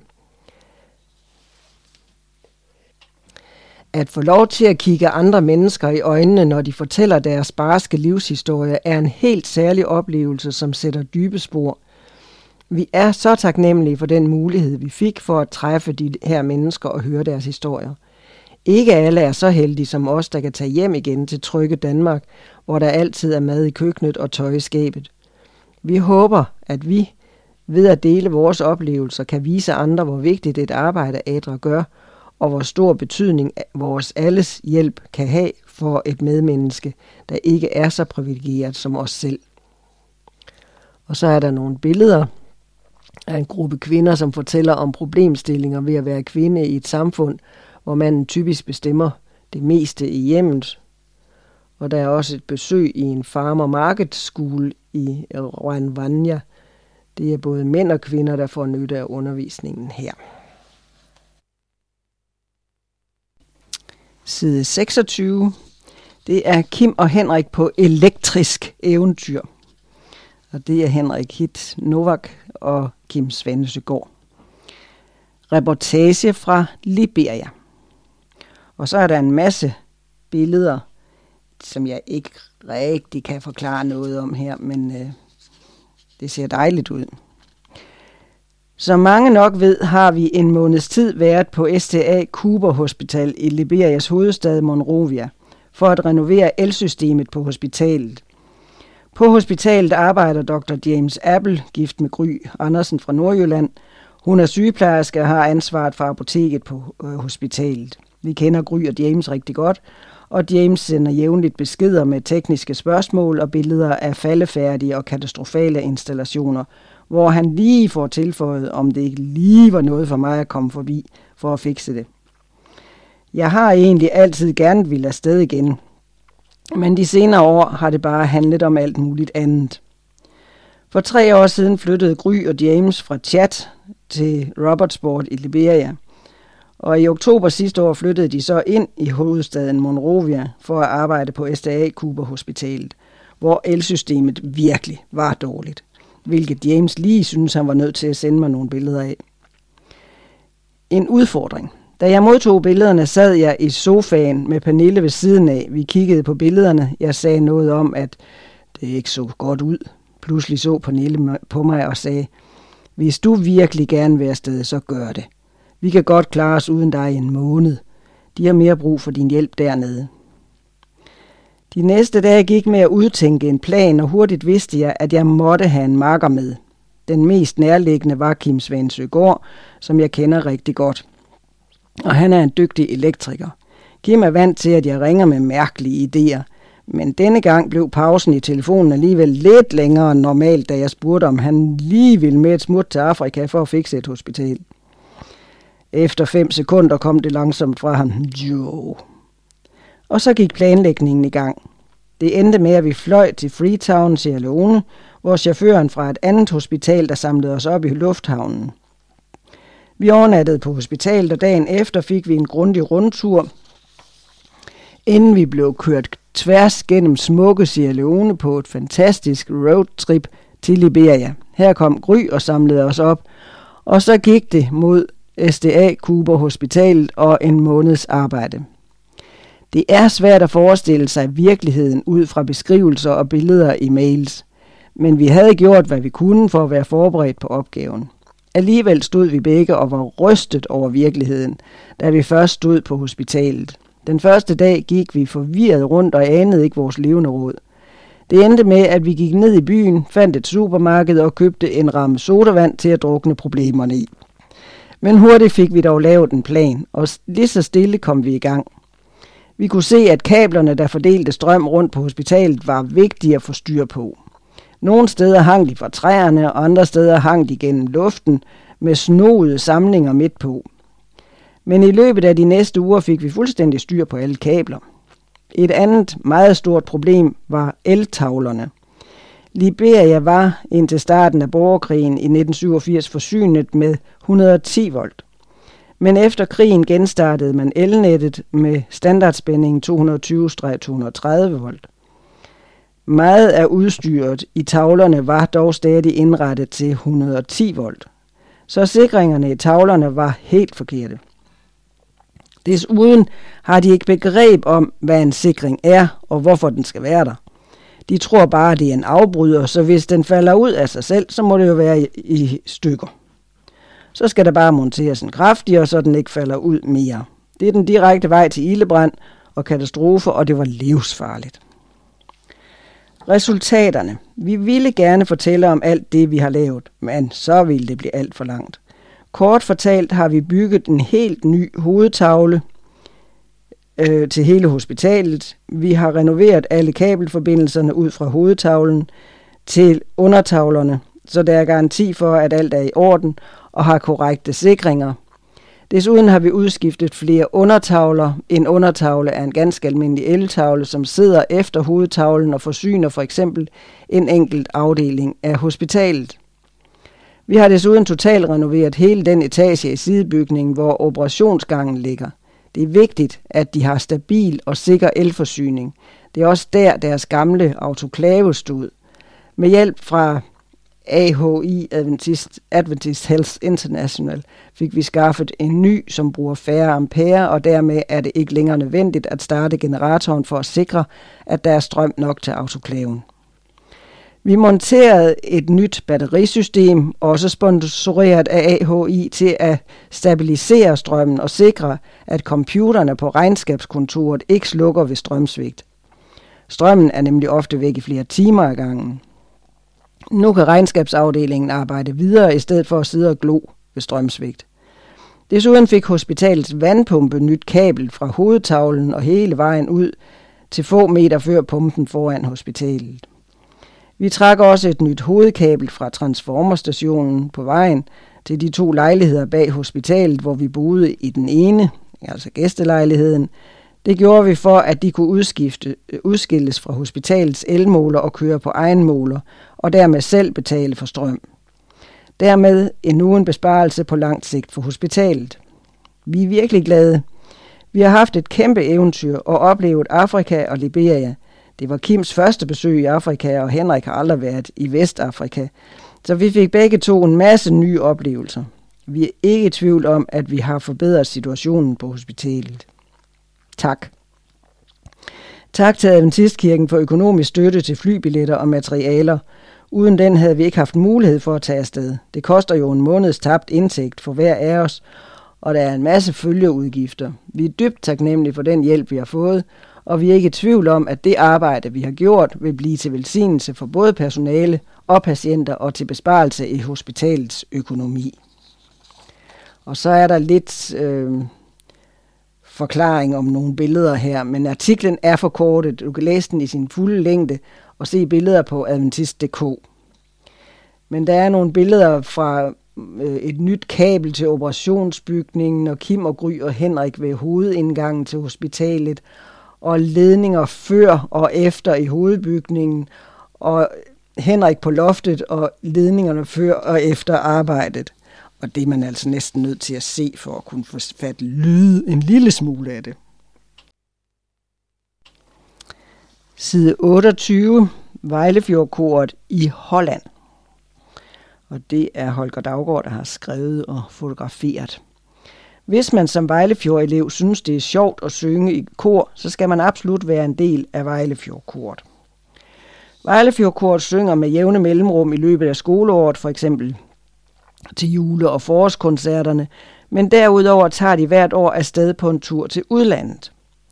Hvert andet år deltager de i den norske nordiske korfestival, som er en weekend, hvor korene fra de fire nordiske adventistgymnasier er sammen, øver sammen og holder et par fælles koncerter.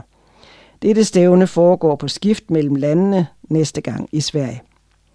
Hvert andet år tager Vejlefjordkort så afsted alene til udlandet. I år gik turen til tulipanlandet Holland, lige midt i sæsonen for tulipaner og andre liljer. Det har været målet for korturen før, og ligesom tidligere var det en stor oplevelse. Fem dage med oplevelser. Koret blev indkvarteret i kirkens center i Warming Centrum, lidt uden for Utrecht, hvor der er en stor, smuk park, og findes, hvor findes, der findes kirkens hovedkontor. Et kapel, en børneskole og et besøgscenter. Stedet blev købt af kirken i 1947, hvor det efter krigens bombardementer var i en sørgelig tilstand, men siden blev det sat i stand, og i dag fungerer det som en dejlig oase uden for byen.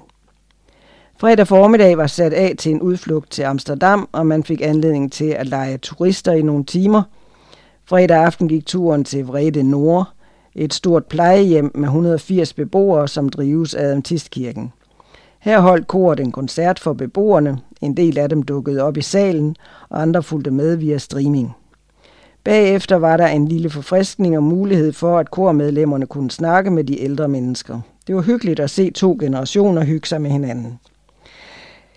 Sabbaten blev tilbragt i Adventisternes kirke i Utrecht, hvor koret sang til gudstjenesten og holdt en koncert om eftermiddagen. Også det var en rigtig god oplevelse med snak og hygge, elever og menighedsmedlemmer imellem i pauserne. Hvis du gerne vil høre korets koncert i Utrecht, kan det findes på YouTube. Søg på Advent Kærk Utrecht Events koncert 29. april 2023. Vi har spurgt en række af eleverne fra koret, hvorfor de har valgt at synge i kor. Valentin går i 3G. Han har sunget i koret alle tre gymnasieår og er korformand. Jeg synger i koret først og fremmest, fordi jeg godt kan lide at synge. Jeg spiller også til koret, og det er jeg også glad for. Det giver en masse fællesskab. Så er der Emilia, som går i 3G og har sunget i koret alle sine tre gymnasieår. Det er et helt specielt fællesskab, man oplever i koret, og så kommer man på nogle spændende ture. For mit vedkommende er det også for at udvikle min stemme. Så er der Nathaniel, der går i 3.G og har sunget i koret i alle sine tre gymnasieår. Det er blandt andet alle turene, som er rigtig sjove at være med til. Men det, der gør det specielt sjovt, er, at man har nogle venner i koret, man har det godt sammen med. Og så er der Emma, Hun er født og opvokset i Frankrig med en dansk mor og en fransk far. Hun blev student i Frankrig sidste sommer, men ville gerne opleve et dansk gymnasium og fandt Vejlefjordskolen. Hun har derfor fuldt 3.G i dette skoleår. Jeg har været med i koret siden januar. Jeg blev faktisk rørt af julekoncerten, og da Karin øh, så opfordrede mig til at komme med, sagde jeg ja, og det har jeg ikke fortrudt. Jeg synes faktisk, at øvelserne er rigtig hyggelige og gode, men turen her til Holland, hvor vi har sunget, har også været en stor oplevelse. Det er fint at øve, men også godt at have et mål med øvelserne. Jeg glæder mig også til dimissionen, hvor vi skal synge, og der vil min mor og søster være der. Og så er der Laura, som var korets yngste medlem. Hun går i 7. klasse på Vejlefjordskolen. Jeg kan rigtig godt lide at synge, og det er også fedt at synge sammen med nogen. Der er også meget hygge i det, for udover at når vi øver, har vi også sjovt sammen. På spørgsmålet om, hvordan det er at være den yngste, siger hun, at man tænker egentlig ikke over det, hvilken alder man har. Vi snakker sammen på kryds og tværs, og her er et godt fællesskab, uanset hvilken alder vi har. Og så er der Marike, er udvekslingselev fra Tyskland, har på imponerende vis lært sig dansk på mindre end et år og er med i koret. Jeg startede faktisk først i januar og synes rigtig godt om det. Vi har et godt sammenhold og lærer meget. Og så er der et billede af hele koret. Side 30, det er Sabos afdelingen. Og den første, det er fra top til top, et eventyr uden lige. Det er Jakob Falk, der har skrevet det, og der er fine billeder. I weekenden den 14. til 16. april drog en flok på 26 rover afsted på et vildt eventyr i Søhøjlandet. Fra Skanderborg station skulle de vandre til Ejer Bagnehøj. På toppen fik de udleveret cykler, hvorefter pandelamperne måtte tændes, da de drog videre i mørket. Regnen var kraftig, og det var en stor udfordring for mange, da næste checkpoint var lokaliseret på Sukkertoppen. Det sidste hold krøb i soveposerne kl. 6.30, men allerede tre timer efter var de på cyklerne igen. Efter en kanotur i solskin samt lidt bjergbestigning af de 147 højdemeter, stod holdene på toppen af Himmelbjerget og havde gennemført godt 70 km på et døgn. David Falk havde samlet et hold af ældre rovere, som deltog på turen. Hør mere om hans oplevelser af eventyret. Hvad var den bedste oplevelse på eventet? Der er så mange gode oplevelser, at jeg ikke blot kan vælge en, men det er vildt fedt, som sådan en tur virkelig kan skabe sammenhold i en gruppe. At se, hvordan man hjalp hinanden, når man blev presset og udfordret, er noget af det bedste ved turen. Og så var der selvfølgelig en god mad, fællessang, andagt og god stemning i bålhytten, hvor der blev snakket om oplevelserne – men det var også en succesoplevelse at stå på toppen af Himmelbjerget i solskin og give hinanden et skulderklap over alt det, vi havde opnået på det ene døgn. Hvorfor samlede du et Old Boys hold, og hvordan tog roverne imod jer? Jeg samlede et hold, fordi jeg nu efterhånden har været spejderleder i mange år, så det ville være sjovt selv at deltage og få min egen oplevelse. Jeg kender mange af de unge mennesker, og at kunne give dem lidt konkurrence var også en motivationsfaktor – jeg fandt derfor lige en gruppe unge oldboys fra Silkeborg, og vi hyggede os gevaldigt på turen med at vise de unge, at selvom man er blevet 50, kan man stadig være med i sådanne aktiviteter. Roverne tog meget pænt imod os, og det gav noget konkurrence med enkelte hold, hvor det betød alt for dem, at de skulle komme før de gamle. Det var helt klart det hele værd, og gav et fantastisk fællesskab mellem unge og mindre unge. Hvad husker du på turen for? Jeg husker særligt vores gode holdånd, ikke kun på vores hold, men over hele linjen. Det var en sjov og udfordrende tur, og det er sundt, at man får prøvet sine fysiske og mentale grænser. Jeg kan godt lide at være en del af sådan en tur. Det kan være med til at rykke de unge mennesker. Ja, ja. Og så har vi nogle annoncer for sommerens lejre. 2023 Teen Camp. Hvem skal lave maden på Teen Campen?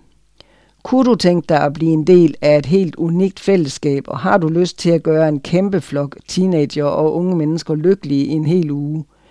Gode nyheder, Teen Camp, Teen Camp teamet leder nemlig efter en eller flere, som vil bruge en uge af deres sommer på at lave mad på Teen Campen den 9. til 16. juli.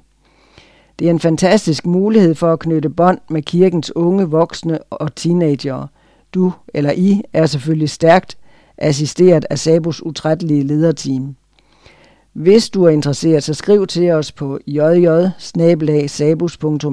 eller mj Vi har brug for spejderledere på Sjælland. En gang var spejderarbejdet stort på Sjælland, og det kan det blive igen. De eksisterende troppe i Nærum og København mangler virkelig en håndsrækning for at kunne fortsætte deres arbejde. Der er masser af børn i troppene, men lederne kan ikke gøre alt arbejdet alene. Har du bare den mindste lyst til at være en del af et fantastisk fællesskab og give gode værdier og oplevelser til børn og unge, så meld dig under fanerne og lad os finde en plads til dit engagement. Skriv til spejdersnabelag.sabus.dk og meld dig som frivillig leder.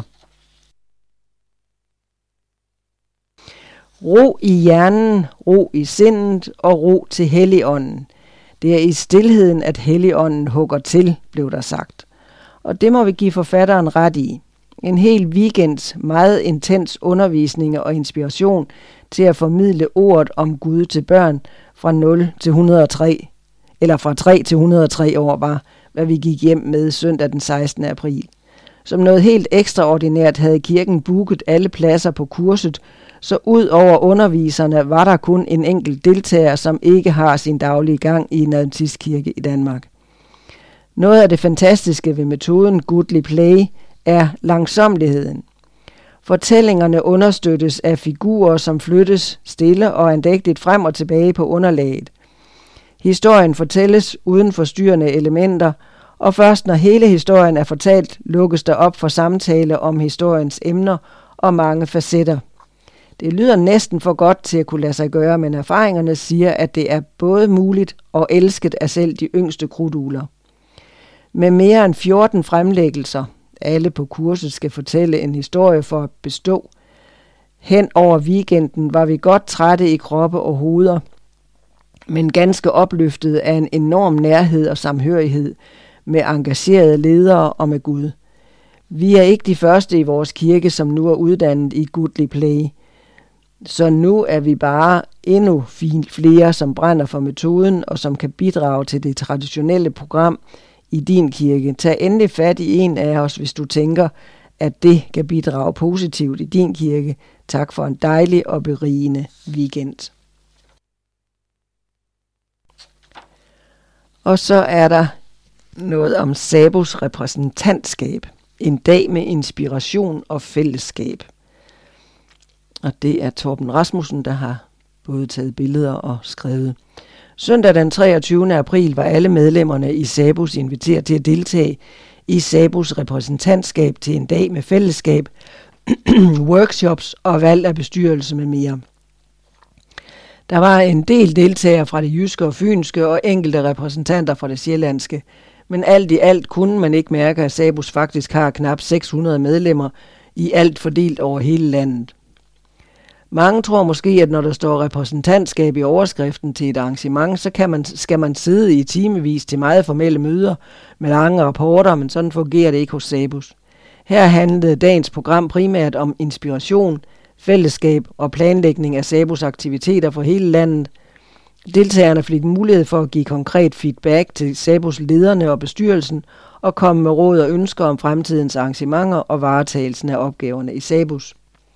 Hos spejderne holdt man National Spejderråd, hvor der blev planlagt øh, detaljer for den kommende kamboré i Ungarn og lagt planer for kommende lejre for både spejdere og ledere.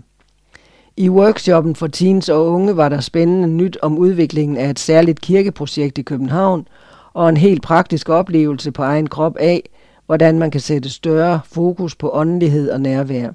Nå ja, og så skulle deltagerne også sidst på dagen nå at vælge en bestyrelse til Sabus, høre fortællingen om, hvordan året 2022 gik, og se regnskabet for 2022. Alt gik godt, som det skulle, og snart kunne man runde dagen af i den store rundkreds og sige tak for en dejlig og inspirerende dag.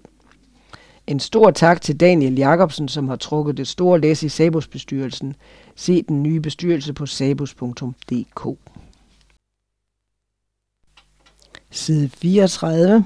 Det er seniorsiderne, og det er erindringer fra Avnsborglejren. Og der er et billede her med gamle minder. Her er vi på vej hjem fra Avnsborg med tog fra Vejle over Herning og frem mod Viborg. Philip Philipsen, bror til Wolfgang, som skriver noget om det her. Og jeg skulle jo af i Karup. Til venstre er det Philip, og ved vinduet overfor sidder Axel Bæk med en fraktur. Han var altid lidt vild. Til højre for ham er det Ole Rasmussen, fotoet er ret sikkert fra 1963. Damen bagved har intet med sagen at gøre. Wolfgang Weissel, der knytter sig mange erindringer til Avnsborglejren. Som 10-årig er en rejse fra Karup til Daggård en meget lang rejse med tog. Ankom til perronen i Daggård, Daggård stationsby. Med bagagen ved fødderne startede en uge med forventninger. Så kom der en lastbil fra Vejlefjordskolen, som skulle køre bagagen til Avnsborglejren. Men vi blev ikke selv kørt, vi skulle gå hele vejen i den i en kolonne. Så drog vi ud med det sollys, mod det sollyse land, fra byernes kvælende osv. Jeg husker markerne med hvide, en ukendt kornsort i Midtjylland med de sandede jord. Ru og havre, det havde vi, men ikke hvide. Kan stadig huske min begejstring over synet af det nye landskab ved Vejlefjord. Vel ankom til Avnsborglejren startede indkvarteringen. Hvem skulle man med i patrulje med? Og hvem var patruljeføren? Og i stedet for at rende rundt med lommepengene i, i egen lomme, så kunne man indsætte formuen i en bank på lejerchefens kontor, der hvor der var en ringeklokke udenfor på væggen. Og så var vi klar til en uges sommerlejr med masser af oplevelser. Hvilke skal jeg fremhæve? Jeg tager to af dem. Det står tydeligst i min indre farvefilm, som dukker op, når min erindringsdiskette rammer årene omkring 1960. Lejerbål dernede i bunden af dalen, helt tæt på skoven. Herfra kunne man se flagstangen og drenge- og pigebygningen, hvor under spisesalen lå. Der blev sunget, og nu kommer det, sketsene, som jeg altid glædede mig til. Jeg synes, Froberg var helt fantastisk. Jeg grinede meget over alle sketsene dengang. Munkebjerg og cykelture, ja, sejl, eller sejlture. Ja, sejlturen, det var det største skib, jeg nogensinde havde sejlet med. Robåden i Karabå mistede status. Sejlturen til Munkebjerg, utroligt, og så alt det vand. Jeg kendte godt Sund Sø ved Herning, hvor jeg havde badet, men Vejlefjord, nøj. Og så kom vi i mål, den rullende trappe. I en 10-årig purks øjne var det virkelig fortryllende og så langt. Og højt oppe. Så, nu knækker filmen. Jeg stopper her. Og så er det Joran Christensen, mit Avnsborg. Sommerlejr, et skønt ord, som får den farvefilm, som Wolfgang snakker om, til at køre i mit hoved også. Avnsborg betød sommerlejr. Jeg tror, jeg var otte år, da jeg første gang vinkede farvel til min mor på Skanderborg station. Jeg var ude på egen hånd nu, og min første krise kom hurtigt. Jeg havde ingen togbillet. Den stod min mor nemlig med i hånden tilbage på perronen. Men konduktøren var heldigvis venlig. Og så ankom vi til lejren med, ved den store dal. Jeg gik op ad den lange, brede trappe og ind til træbarakken med det helt udefinerbare duft, som de følgende år blev den meget genkendelige og velkomne duft af Avnsborg. Vi myldrede ned af de knirkende trægange til vores tildelte værelser, for det galt om at komme først og få den øverste køje. Om morgenen skulle vi til flaghejsning og stod på rækker i hver vores patrulje. Jeg kan endda huske en af andagterne givet af H.C. Øh, Hansen eller Ralking, som handlede om, at tungen kan bruges til både godt og ondt. Og så var der morgenmad i spisestuen med de grønne taburetter med håndtagshul i midten. Larm og latter, unge med plastiktallerken og krus og faste pladser spændt på, hvad menuen stod på. Og så var der den store dal, hvor vi løb op og ned, lå på tæpper og bare nød nyoprettede venskaber og solskin. Og slikbutikken om bag drengebygningen, hvor Frobær solgte gode sager ud af et vindue. Man stod i kø der, indtil formuen var brugt op – og sportsdagene. Jeg husker mest forhindringsløbet, hvor et vaskefad fyldt med vand hang på kanten af to af de grønne taburetter. Og så skulle man kravle under det vaskefad uden at rave det ned. Det var ikke alle, der formåede det. Det store morskab for tilskuerne. Og turen gennem skoven for at bade i fjorden. Jeg skar min fod på noget skarpt og blev taget hånd om af lejrens omsorgsfulde sygeplejerske. Aftenerne var skønne i den lille mødesal for enden af drengebygningen – her sang vi skønne lejersange, såsom Af livsmod og humør kan vi aldrig få nok. Gå med, kammerat, gå med, gå med. I min barnehjerne blev de første ord banket, husket som af livs mulovsmulør kan vi aldrig få nok, og det kunne vi nok heller ikke. Det bedste ved det hele var de venner, vi fandt. Min medskribent af disse erindringsbilleder, Wolfgang, og jeg blev venner på Avnsborg-lejren for omkring 62 år siden, og det venskab holder endnu. Tak, Avnsborg. Side 36. Line Nielsen er aktuel med en ny bog. Advenyts redaktør har haft en samtale med hende i anledningen af udgivelsen. Og bogen hedder Hans plan og min skrøbelighed. Judas liv og mit liv. Og i omtalen fra udfordringen står der en forunderlig historie. En mand, Juda, fuld af had og jalousi, fordi han ikke er elsket så højt som sin bror. Ja, han er klar til at slå sin bror ihjel – men Gud har en anden vej, og en dag, efter sex med en kvinde, han tror er prostitueret, bliver han omvendt og tager ansvar og lederskab. Men det er ikke kun historien om ham, det er historien om, hvordan Gud har planer, der er langt større end vores omstændigheder. Og hans store plan er at sætte dig fri, så du kan være med i hans forunderlige plan. Og det er Line, der har skrevet den, den er udgivet på udfordringens forlag.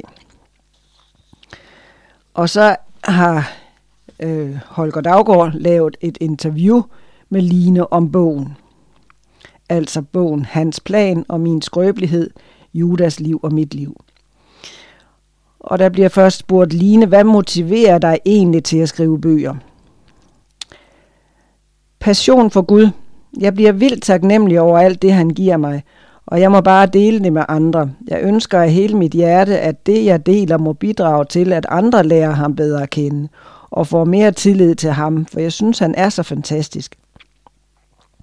Modsat ham og kærligheden og det skønne, så er det jo en fælles lod for os mennesker, at vi møder smerte. Kvælende, dræbende smerte til tider.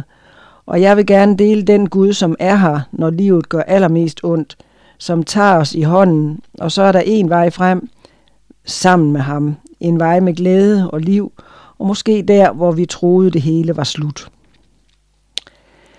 Din nye bog er noget anderledes end de tidligere. Hvordan er det gået til? Det begyndte med, at jeg synes, at historien om Juda og Tamar i 1. Mosebog 38 var så grim. Og at jeg i mange år tænkte, hvorfor er den dog taget med i Bibelen? Kunne vi ikke bare have sluppet for at vide det? Senere lagde jeg mærke til, at Tamar og fire andre kvinder er nævnt i Jesus stamtavle i Matthæus evangeliet i første kapitel. Og det er jo ikke normalt, at kvinder nævnes i stamtavler, og der er noget ved de fem kvinder, som kunne vække fordømmelse over deres syndighed, som i nysgerrighed vagtes. Hvorfor er de med? Det fik mig til at gå tæt på historien om Juda og Tamar hvilket blev øh, til en fordybelse i Judas liv. Et liv, som begyndte med intens smerte og rå synd, og senere flugt fra sig selv og Gud, til den uventede omvendelse og stor brugbarhed som leder for Guds folk. Og i den historie fandt jeg så mange paralleller til, hvad jeg tænker er indeholdt i mange menneskers liv. Så hans plan og min skrøbelighed indeholder så meget forunderligt, om Guds kærlighed til os og hans arbejde med sin vidunderlige plan i vores liv, uanset vores omstændigheder og mørkeste livskapitler. Historien er så fuld af håb og liv, og den historie måtte jeg bare dele. Hvad handler din nye bog om? Kan vi få et kort resume? Først og fremmest handler den om Guds robuste og kærlige plan i skrøbelige menneskers liv, mennesker som du og jeg – men det kan jo nogle gange være svært at se Guds plan i vores egne liv. Det er ligesom så tæt på, at vi bliver lidt blinde. Når vi i stedet ser på Judas liv, så kan vi se Guds forunderlige hånd, og pludselig bliver det klarere, at Gud er aktiv på en lignende måde i vores liv. Så vi ser på Judas liv. Det begynder med, begyndte med, at hans mor ikke var elsket af hans far. Det gjorde ondt, også på Juda. Juda var fuld af had og jalousi, ja, han var klar til at dræbe sin bror Josef.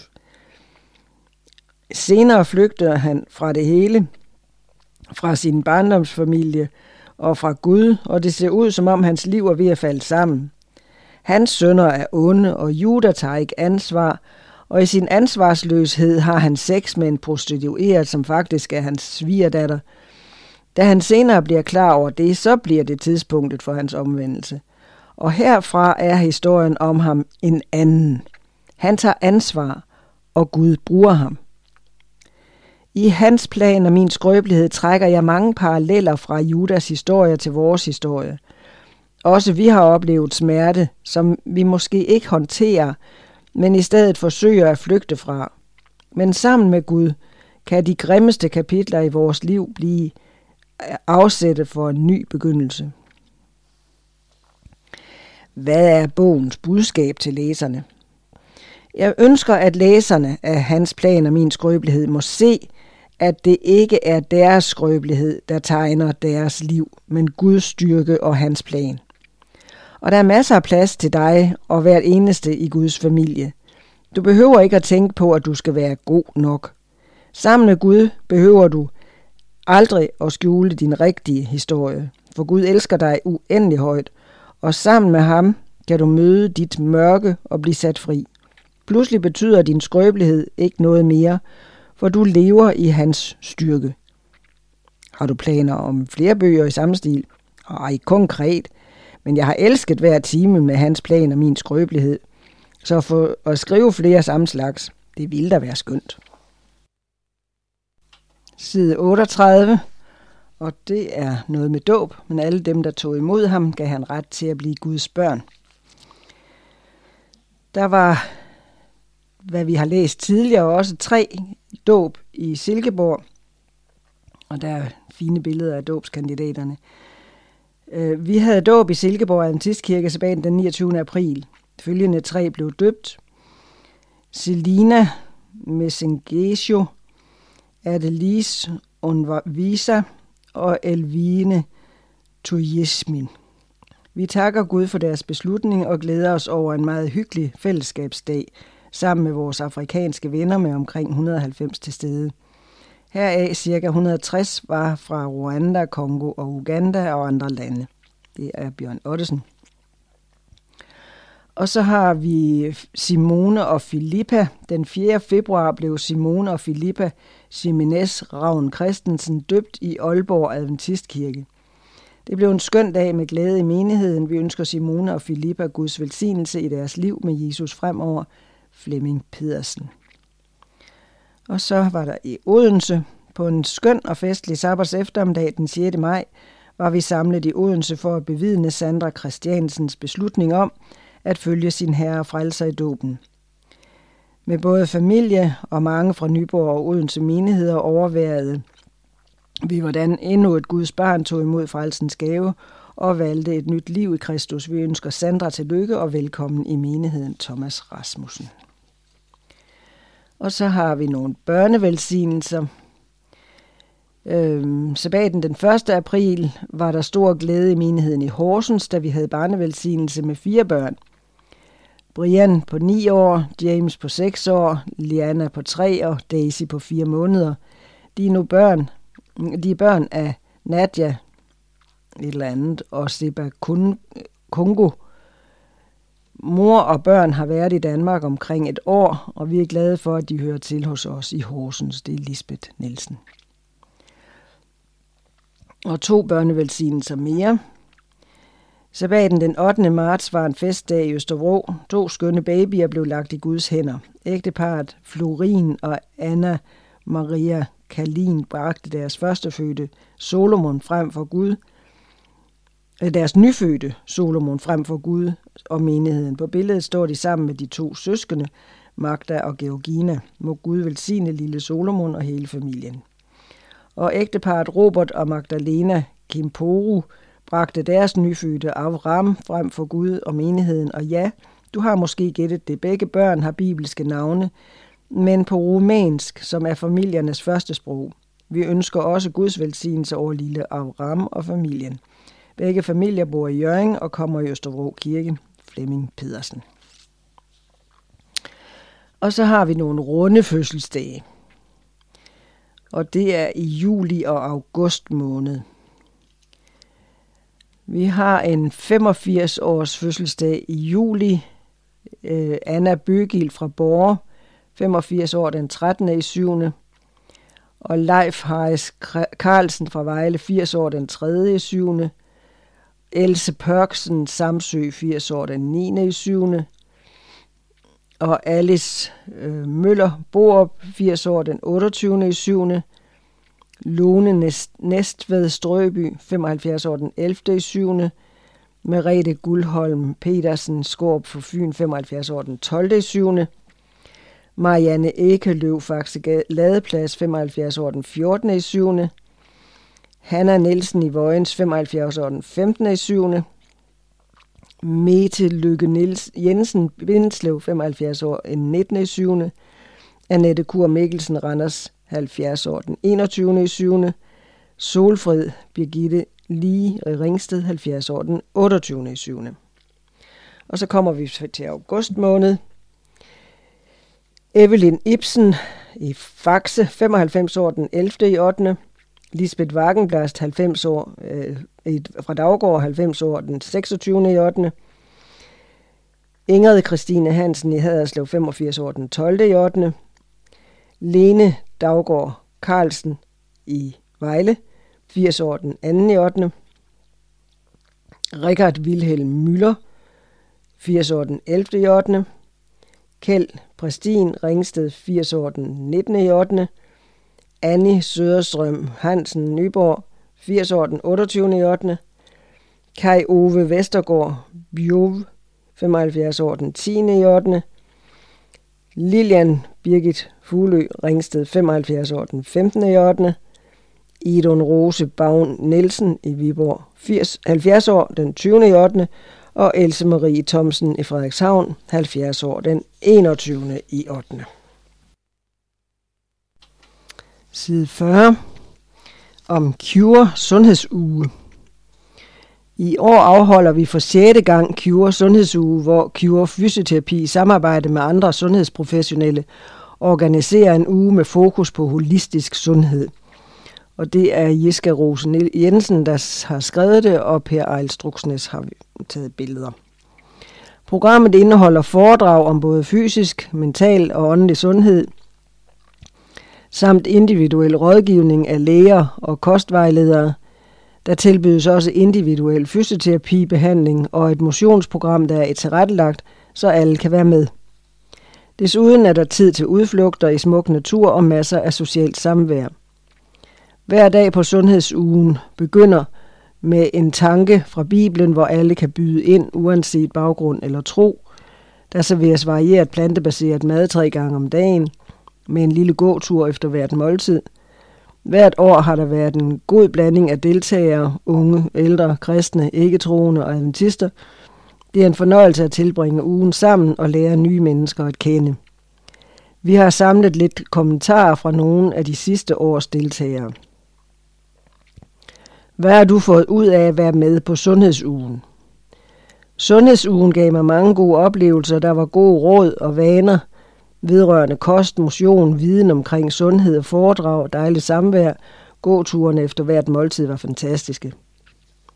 Så en anden skriver, jeg har fået gavnlige oplysninger omkring kostens betydning og sammensætning af denne, motion med mere. Jeg har altid spist sundt, så det var ikke nogen større ændring, og jeg synes altid veltilberedte grøntsager eller salater bliver aldrig træt af at spise det dagligt. Helt ærligt var det min største glæde, at det lykkedes at få min mand med på denne sundhedsuge, og at han fik øjnene op for, hvad kosten, søvnen og motionen betyder for vores velbefindende. Hvad kunne du bedst lide ved sundhedsugen? Det er svært at svare på, da jeg synes, alt var rigtig godt. Det åndelige kurset er så inspirerende, og det faglige ikke mindst. Vil du anbefale andre at tage på sundhedsuger? Hvorfor? Jeg vil anbefale alle at tage med på sundhedsugen, da den var utrolig gavnlig for ens velbefindende og mentale sundhed og socialt samvær. Jeg vil så absolut anbefale kurset til alle, der viser interesse, når vi taler om kurset. Cure Sundhedsuge afholdes igen i år, den 28. i 8. til 3. i 9. Og har du eller en, du kender, lyst til en forrygende, lærerig, opfriskende uge, så skynd dig ind på sundhedsuge.cure.com qure.nu og lav en tilmelding. Vi glæder os til, vi ses. Side 41, der er en annonce eller invitation. Adventistkirken i Roskilde, velkommen til 60 års jubilæum, lørdag den 26. august 2023. Kl. 10.30 til 12 festgudstjeneste, taknemmelighed og tilbedelse, fællesskabet, ordet, håbet, vi afrundes med kirkekaffe, alle er velkommen. Fra ca. 13.00, Down Memory Lane, hvordan startede det for 60 år siden, tilbageblik på kirkens virke gennem 60 år, minder, lysbilleder og historier. Til ca. 18.30, for dem som vil have hele dagen med, vil der være mulighed for en lille gåtur eller hygge i Café Clara.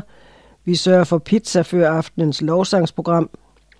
Og kl. 19 til spørgsmålstegn, morgendagens kirke, lovsangsaften med Kirsten, Kirstin og René Bistrup med flere. Herefter brætspil, hygge og pandekager i Café Clara, uformelt samvær, snak, musik og hygge. Altså den 26. august. og så har vi en hel række, hvor Sabus inviterer, tror jeg alle sammen. Øh, lovsangsfest den 10. juni kl. 20 til 22 på Vejlefjordskolen. Og så er der på opdagelse, som er sommerkampen, den 25. juni til 2. juli. Så er der Teen Camp, Min Hverdag, Min Gud, den 9. til 16. juli på Himmerlandsgården. Så er der Impact 2023, 24. til 30. juli i Herning. Og så er der den store Camboré i Ungarn den 25. juli til 1. august. Og så er der lovsangs weekend i Vranum 22. til 24. september og familielejr den 18. til 22. oktober, også på Himmerlandsgården. Side 42, der er dødsannoncer, og der er først Hans Kær Lauritsen. Hans Lauritsen forlod efter kort tid sygdom denne verden fredag morgen den 17. februar. Han voksede op på en gård i Filskov som den første i en søskendeflok på seks børn – som ung tilbragte Hans tre år i militæret for derefter at arbejde som lastbilchauffør. I København mødte han Esther, som dengang arbejdede på Skorsborg Badesanatorium. De blev gift den 5. februar 1964 og fik børnene Daniel, Nora og Kim. Eventyrlyst satte uden tvivl sit præg på Hanses liv. I første ombæring tilbragte familien fem år i Australien, og senere var det en kort tur i Zimbabwe. Hans havde uden tvivl en udbredt lyst til at se og prøve nye ting, og var således blandt de første, der interesserede sig for computer og deres programmering. Men den allerstørste indsats og interesse lagde Hans alligevel i noget langt mere essentielt. Han elskede sin frelser, Jesus Kristus, og lagde rigtig mange kræfter og meget af sit liv i at udbrede kendskabet til kristen tro. I begyndelsen trykte han blandt andet små hæfter af åndelig karakter, som blev delt ud til interesserede.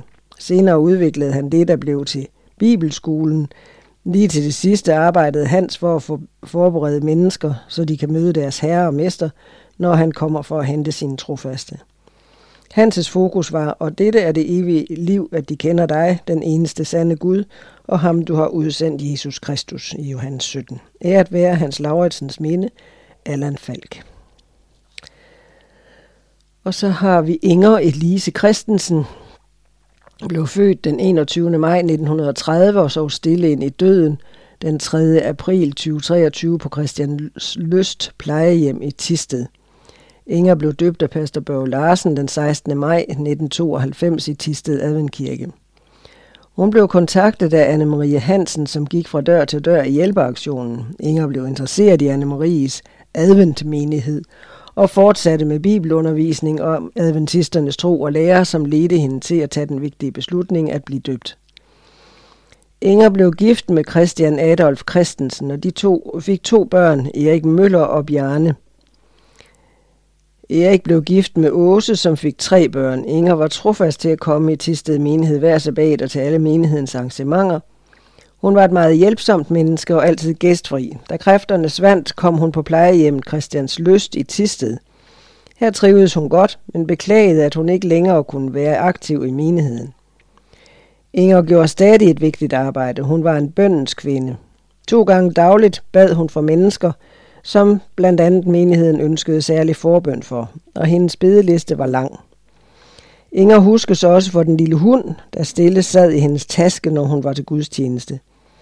Inger sov stille ind i tillid til, at Jesus, som hun elskede til det sidste, vil kalde hende frem til evigt liv på den store opstandelsesdag. Bisættelsen fandt sted fra Tisted Adventkirke den 6. april 2023, æret være Inger Elise Christensens minde, Tony Butenko. Og så har vi Sivald Christensen.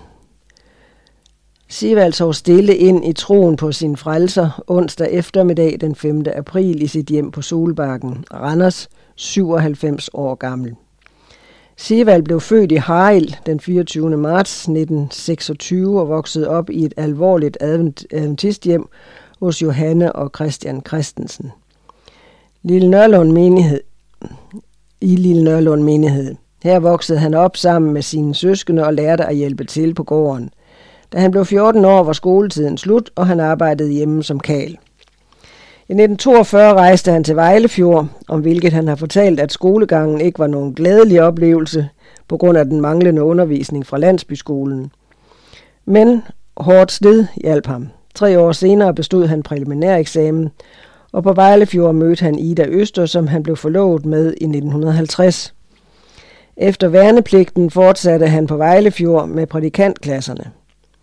Den 24. marts 1953 blev Ida og Sivald gift i Randers, og i samme by fejrede de jernbryllup. To børn har de, Lisa og Lars, samt svigerbørn og børnebørn. De begyndte deres virke for Adventistkirken som præstepar i Aarhus og har siden virket i flere andre menigheder. Et par gange som afdelingsleder for børnespejder og ungdomsarbejdet og for hjemmissionen. Sivald var en seriøs og alvorlig forkynder, som videregav åndelige budskaber og fremholdt profetiske udlægninger på en meget interessant måde, hvilket han gjorde indtil for et par måneder siden. Han elskede Jesus. Nu hviler han i tillid til, at Kristus, som han har tjent igennem hele livet, vil vække ham op på den store opstandelsesdag, hvor han igen skal mødes med sine kære. Vi lyser fred over Sivald Christensens minde, John Pedersen. Side 43. Øh, og der har vi kollekterne fra øh, unionskollekterne fra juli og august. Og den 1. juli er, går kollekten til Sabus. Og det er Dorte Tyrgod Svendsen, der skriver, Vi vil så gerne møde nye mennesker. Vi vil så gerne spise sammen. Så hvad kan være bedre, end at kunne tage køkkenet på ryggen og køre ud i landet og spise sammen? Kollekten den 1. juli vil gå til at investere i et transportabelt køkken – monteret på en trailer. Så kan vi lave maddemonstrationer, vi kan følges med den åndelige campingvogn og bespise folk. Vi kan lave mad til terrænture. Vi kan servere mad til efterårsmøder. Vi kan servere mad til sultne mennesker både her og der. Og hvilken bedre vej til folks hjerter end gennem deres maver. Med kollekten håber vi også at kunne støtte bespisningen i den kommende tid. Vi håber og beder til, at kollekten må blive så stor, at dette projekt vil kunne lade sig gøre, og vi vil gerne takke på forhånd for gode intentioner og for gode bidrag igennem denne kollekt. Det var 1. juli. Det må vi huske. Så har vi 5. august.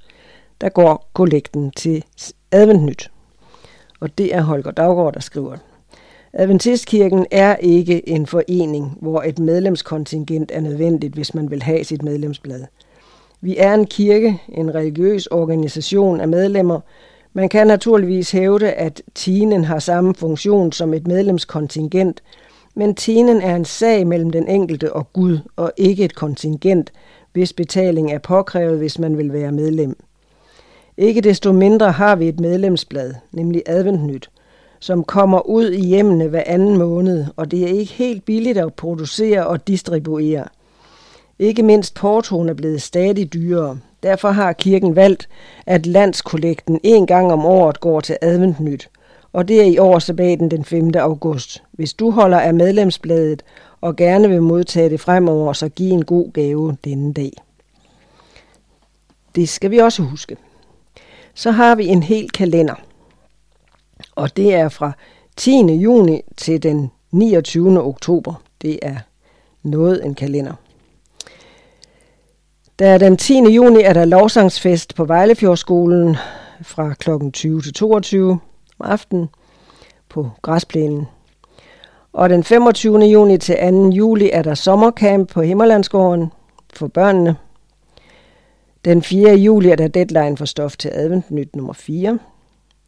Den 9. til 16. juli er der teencamp på Himmerlandsgården. Den 24. til 30. juli er der Impact i Herning. Den 25. til 30. juli er der seniorstævne i Norge. Den 25. juli til 1. august er der Camboré i Ungarn. 4. august er der øh, udkommer øh, adventnyt nummer 4. Den 18. til 20. august er der spejderleder event. 28. august er der deadline for stof til det næste adventnyt nummer 5. 2. september jubilæumstræf på Vejlefjordskolen. 3. september unionsbestyrelsen mødes. 15. til 17. september er der rovertur. 22. til 24. september lovsangsweekend i Vranum. 30. september efterårsmøde på Sjælland.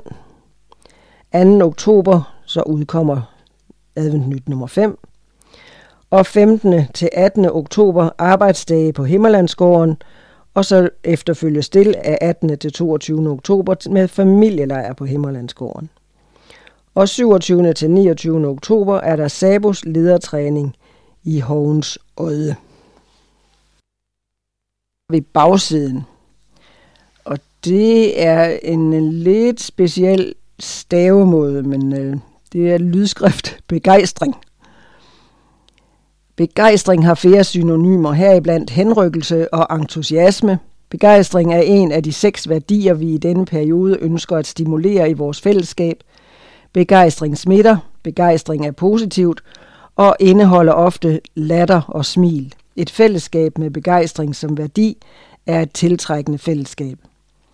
Paulus spørger, hvor galaternes begejstring er blevet af i Galaterne 4.15, og i Romerbrevet 12.11 bruger han lidt andre ord. Vær ikke tøvende i jeres iver, vær brændende i ånden, tjen Herren.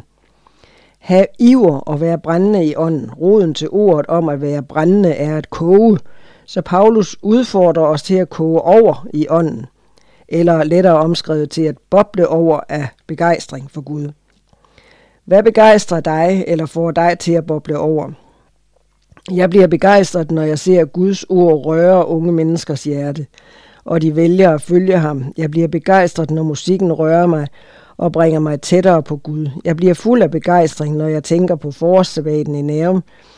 Jeg er begejstret for at tjene kirken sammen med dig. Her lad mig ikke være tøvende i min iver, men brændende i ovnen, ånden for dig. Det er Thomas Møller, som har sendt det som bagsidehilsen. Har vi Adra Nyt. Fra mission til international karriere. Paul Michael Fanø, 61 år, er Adra Danmarks nye økonomichef. Og han skriver, jeg har altid været tiltrukket af jobfunktioner med et internationalt udsyn, fortæller han. Det startede med en interesse for ydermission, efter at den røde studenterhue var sat på hovedet. Da Paul Michael trak frinummer i militæret, gav han det ham frihed til at arbejde som frivillig på en arabisk bibelskole i Mellemøsten og gå fra dør til dør som sælger af kristne bøger til både muslimer og kristne. En ikke just ufarlig beskæftigelse, selvom konfliktniveauet dengang var på et lavere stadie. Jeg er ikke en bekymret type, siger Paul Michael, og den personbeskrivelse danner et forståeligt bagtæppe for hans senere karrierevalg. Som 27-årig og nyuddannet kant mærk i økonomi og erhvervsøkonomi fik han job som økonomisk rådgiver for FN, først i Sudan og efterfølgende i Papua Ny Guinea. I Sudan arbejdede han med investeringsrådgivning og var til lige FN-observatør på en fødevarekonvoj til det sydlige Sudan. I Papua Ny Guinea havde han blandt andet ansvaret for at indføre IT i landets handels- og industriministerium. Deler værdier med Adra.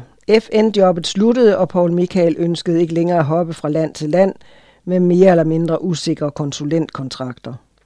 Siden har han arbejdet for blandt andet Copenhagen International School, COVI, Incita og haft bestyrelsesposter i Center for Kirkeligt Udviklingsarbejde og Operation Mission. Jeg søgte jobbet i ADRA, fordi jeg var på udkig efter en organisation med stærke værdier. Et sted, hvor fokus ikke er på bundlinjen, men på formålet. Her var det rigtig vigtigt for mig, at ADRA har som udtrykt formål at tjene menneskeheden, så alle kan leve, som Gud har til hensigt. At ADRA i Danmark er en mindre organisation, end jeg har arbejdet i før, er jeg ved at vende mig til, siger økonomichefen med et glimt i øjet. I fritiden kommer Paul Michael og hustruen Maria i Højnæskirken i Rødovre i København, hvor han tjener med blandt andet ledelse. Augustinusfonden donerer gennem Adra. Tørken på Afrikas horn er ikke overstået, og befolkningen i Etiopiens Somali-region har desperat brug for fortsat leverance af blandt andet vand. I en tid med store humanitære behov verden over har Augustinusfonden bevilget 1 million kroner til Adra Danmarks arbejde med akut livreddende hjælp til familier i Etiopien. Her sulter de efter længerevarende tørke på Afrikas horn. Vi er rigtig glade for, at Augustinusfonden har valgt at støtte projektet i Etiopien. Den langvarige tørke er meget alvorlig og har store konsekvenser, så bevillingen vil virkelig gøre en forskel for familierne, udtaler Ædre Danmarks programchef Jon Christiansen. Vigtigt, at avlsdyr overlever. Projektet gennemføres i Somali-regionen i det østlige Etiopien. Specifikt skal bevillingerne anvendes til uddeling af kontanter, drikkevarer, vand og foder til avlsdyr. Denne integrerede indsats bygger ovenpå allerede eksisterende aktiviteter, som Adra Danmark og Adra Etiopien arbejder med. Ved at uddele kontanter til nødlidende familier er projektet med til at holde gang i en lokal økonomi, samt give familierne selvbestemmelse over, hvad de har størst behov for at købe. På den måde bidrager hjælpen til at opretholde udsattes værdighed og stolthed i en vanskelig tid. Avlsdyr er afgørende for at sikre fremtiden for familierne, også når tørken er over. Derfor uddeles også dyrefoder, for avlsdyrene kan holdes i live og være en opsparing til fremtiden. Det skønnes, at omkring 25 millioner mennesker i Etiopien lige nu har behov for akut humanitær hjælp. I Somali-regionen vil omkring 8,5 millioner mennesker have behov for fødevarehjælp inden juni 2023, og heraf vil 720.000 være udsat for ekstrem hungersnød. Adra Danmark laver podcast. En medarbejders feltrejse i Uganda Karamoja-regionen resulterer i, at Adra snart barsler med en podcast-serie på fire afsnit. Det er helt nyt for os at producere podcast, og det har været en lang proces. Vi er super spændte på, hvordan lytterne tager imod podcast-serien, der har karakter af en rejsedagbog. Sådan siger kommunikationsmedarbejder Maria Lykke Andersen, der står for produktionen. Medarbejdere i både kirken og blandt Adras ansatte lægger stemme til flere af afsnittene. Programmerne sætter fokus på Adras arbejde for at fremme pigers og kvinders rettigheder i det ellers stærkt mandsdominerende samfund i Karamoja. Nogle mennesker er af den opfattelse, at udviklingsorganisationernes anstrengelser ikke rykker en meter. At vi bare kaster danskernes skatteborgere ned i et stort bundløst hul i vores forsøg på at forbedre afrikanernes levevis. De mener, at vi hjælpearbejdere er naive, hvis vi tror, at vi kan fremme for eksempel pigers og kvinders rettigheder og muligheder i områder af Afrika, hvor kultur og livsanskuelse er så anderledes end vores egen. Med podcast-serien har vi sat os for at modbevise deres antagelse, forklarer Maria Lykke. I Karamoja er kvæghold det dominerende levebrød.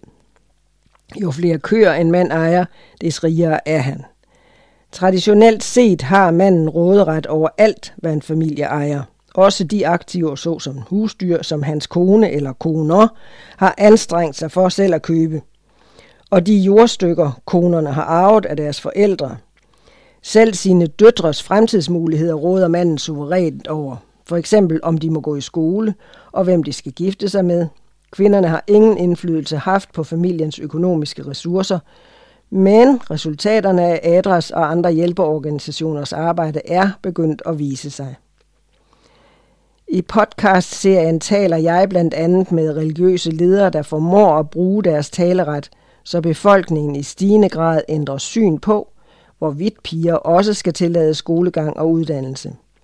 Jeg taler til lige med piger, der har oplevet uretfærdighederne på egen hånd, men som takket være deres medsøstre får oprejsning i for eksempel retssystemet. Kvinderne, der har haft succes med at tale andre kvinders sag, har alle gennem ADRAs udviklingsprojekt lært om deres rettigheder, og hvordan de bedst går i dialog med autoriteter. En dato for udgivelse af podcasten er endnu ikke fastsat, men følg med på adra.dk, Facebook eller i kommende numre af Adra Nyt.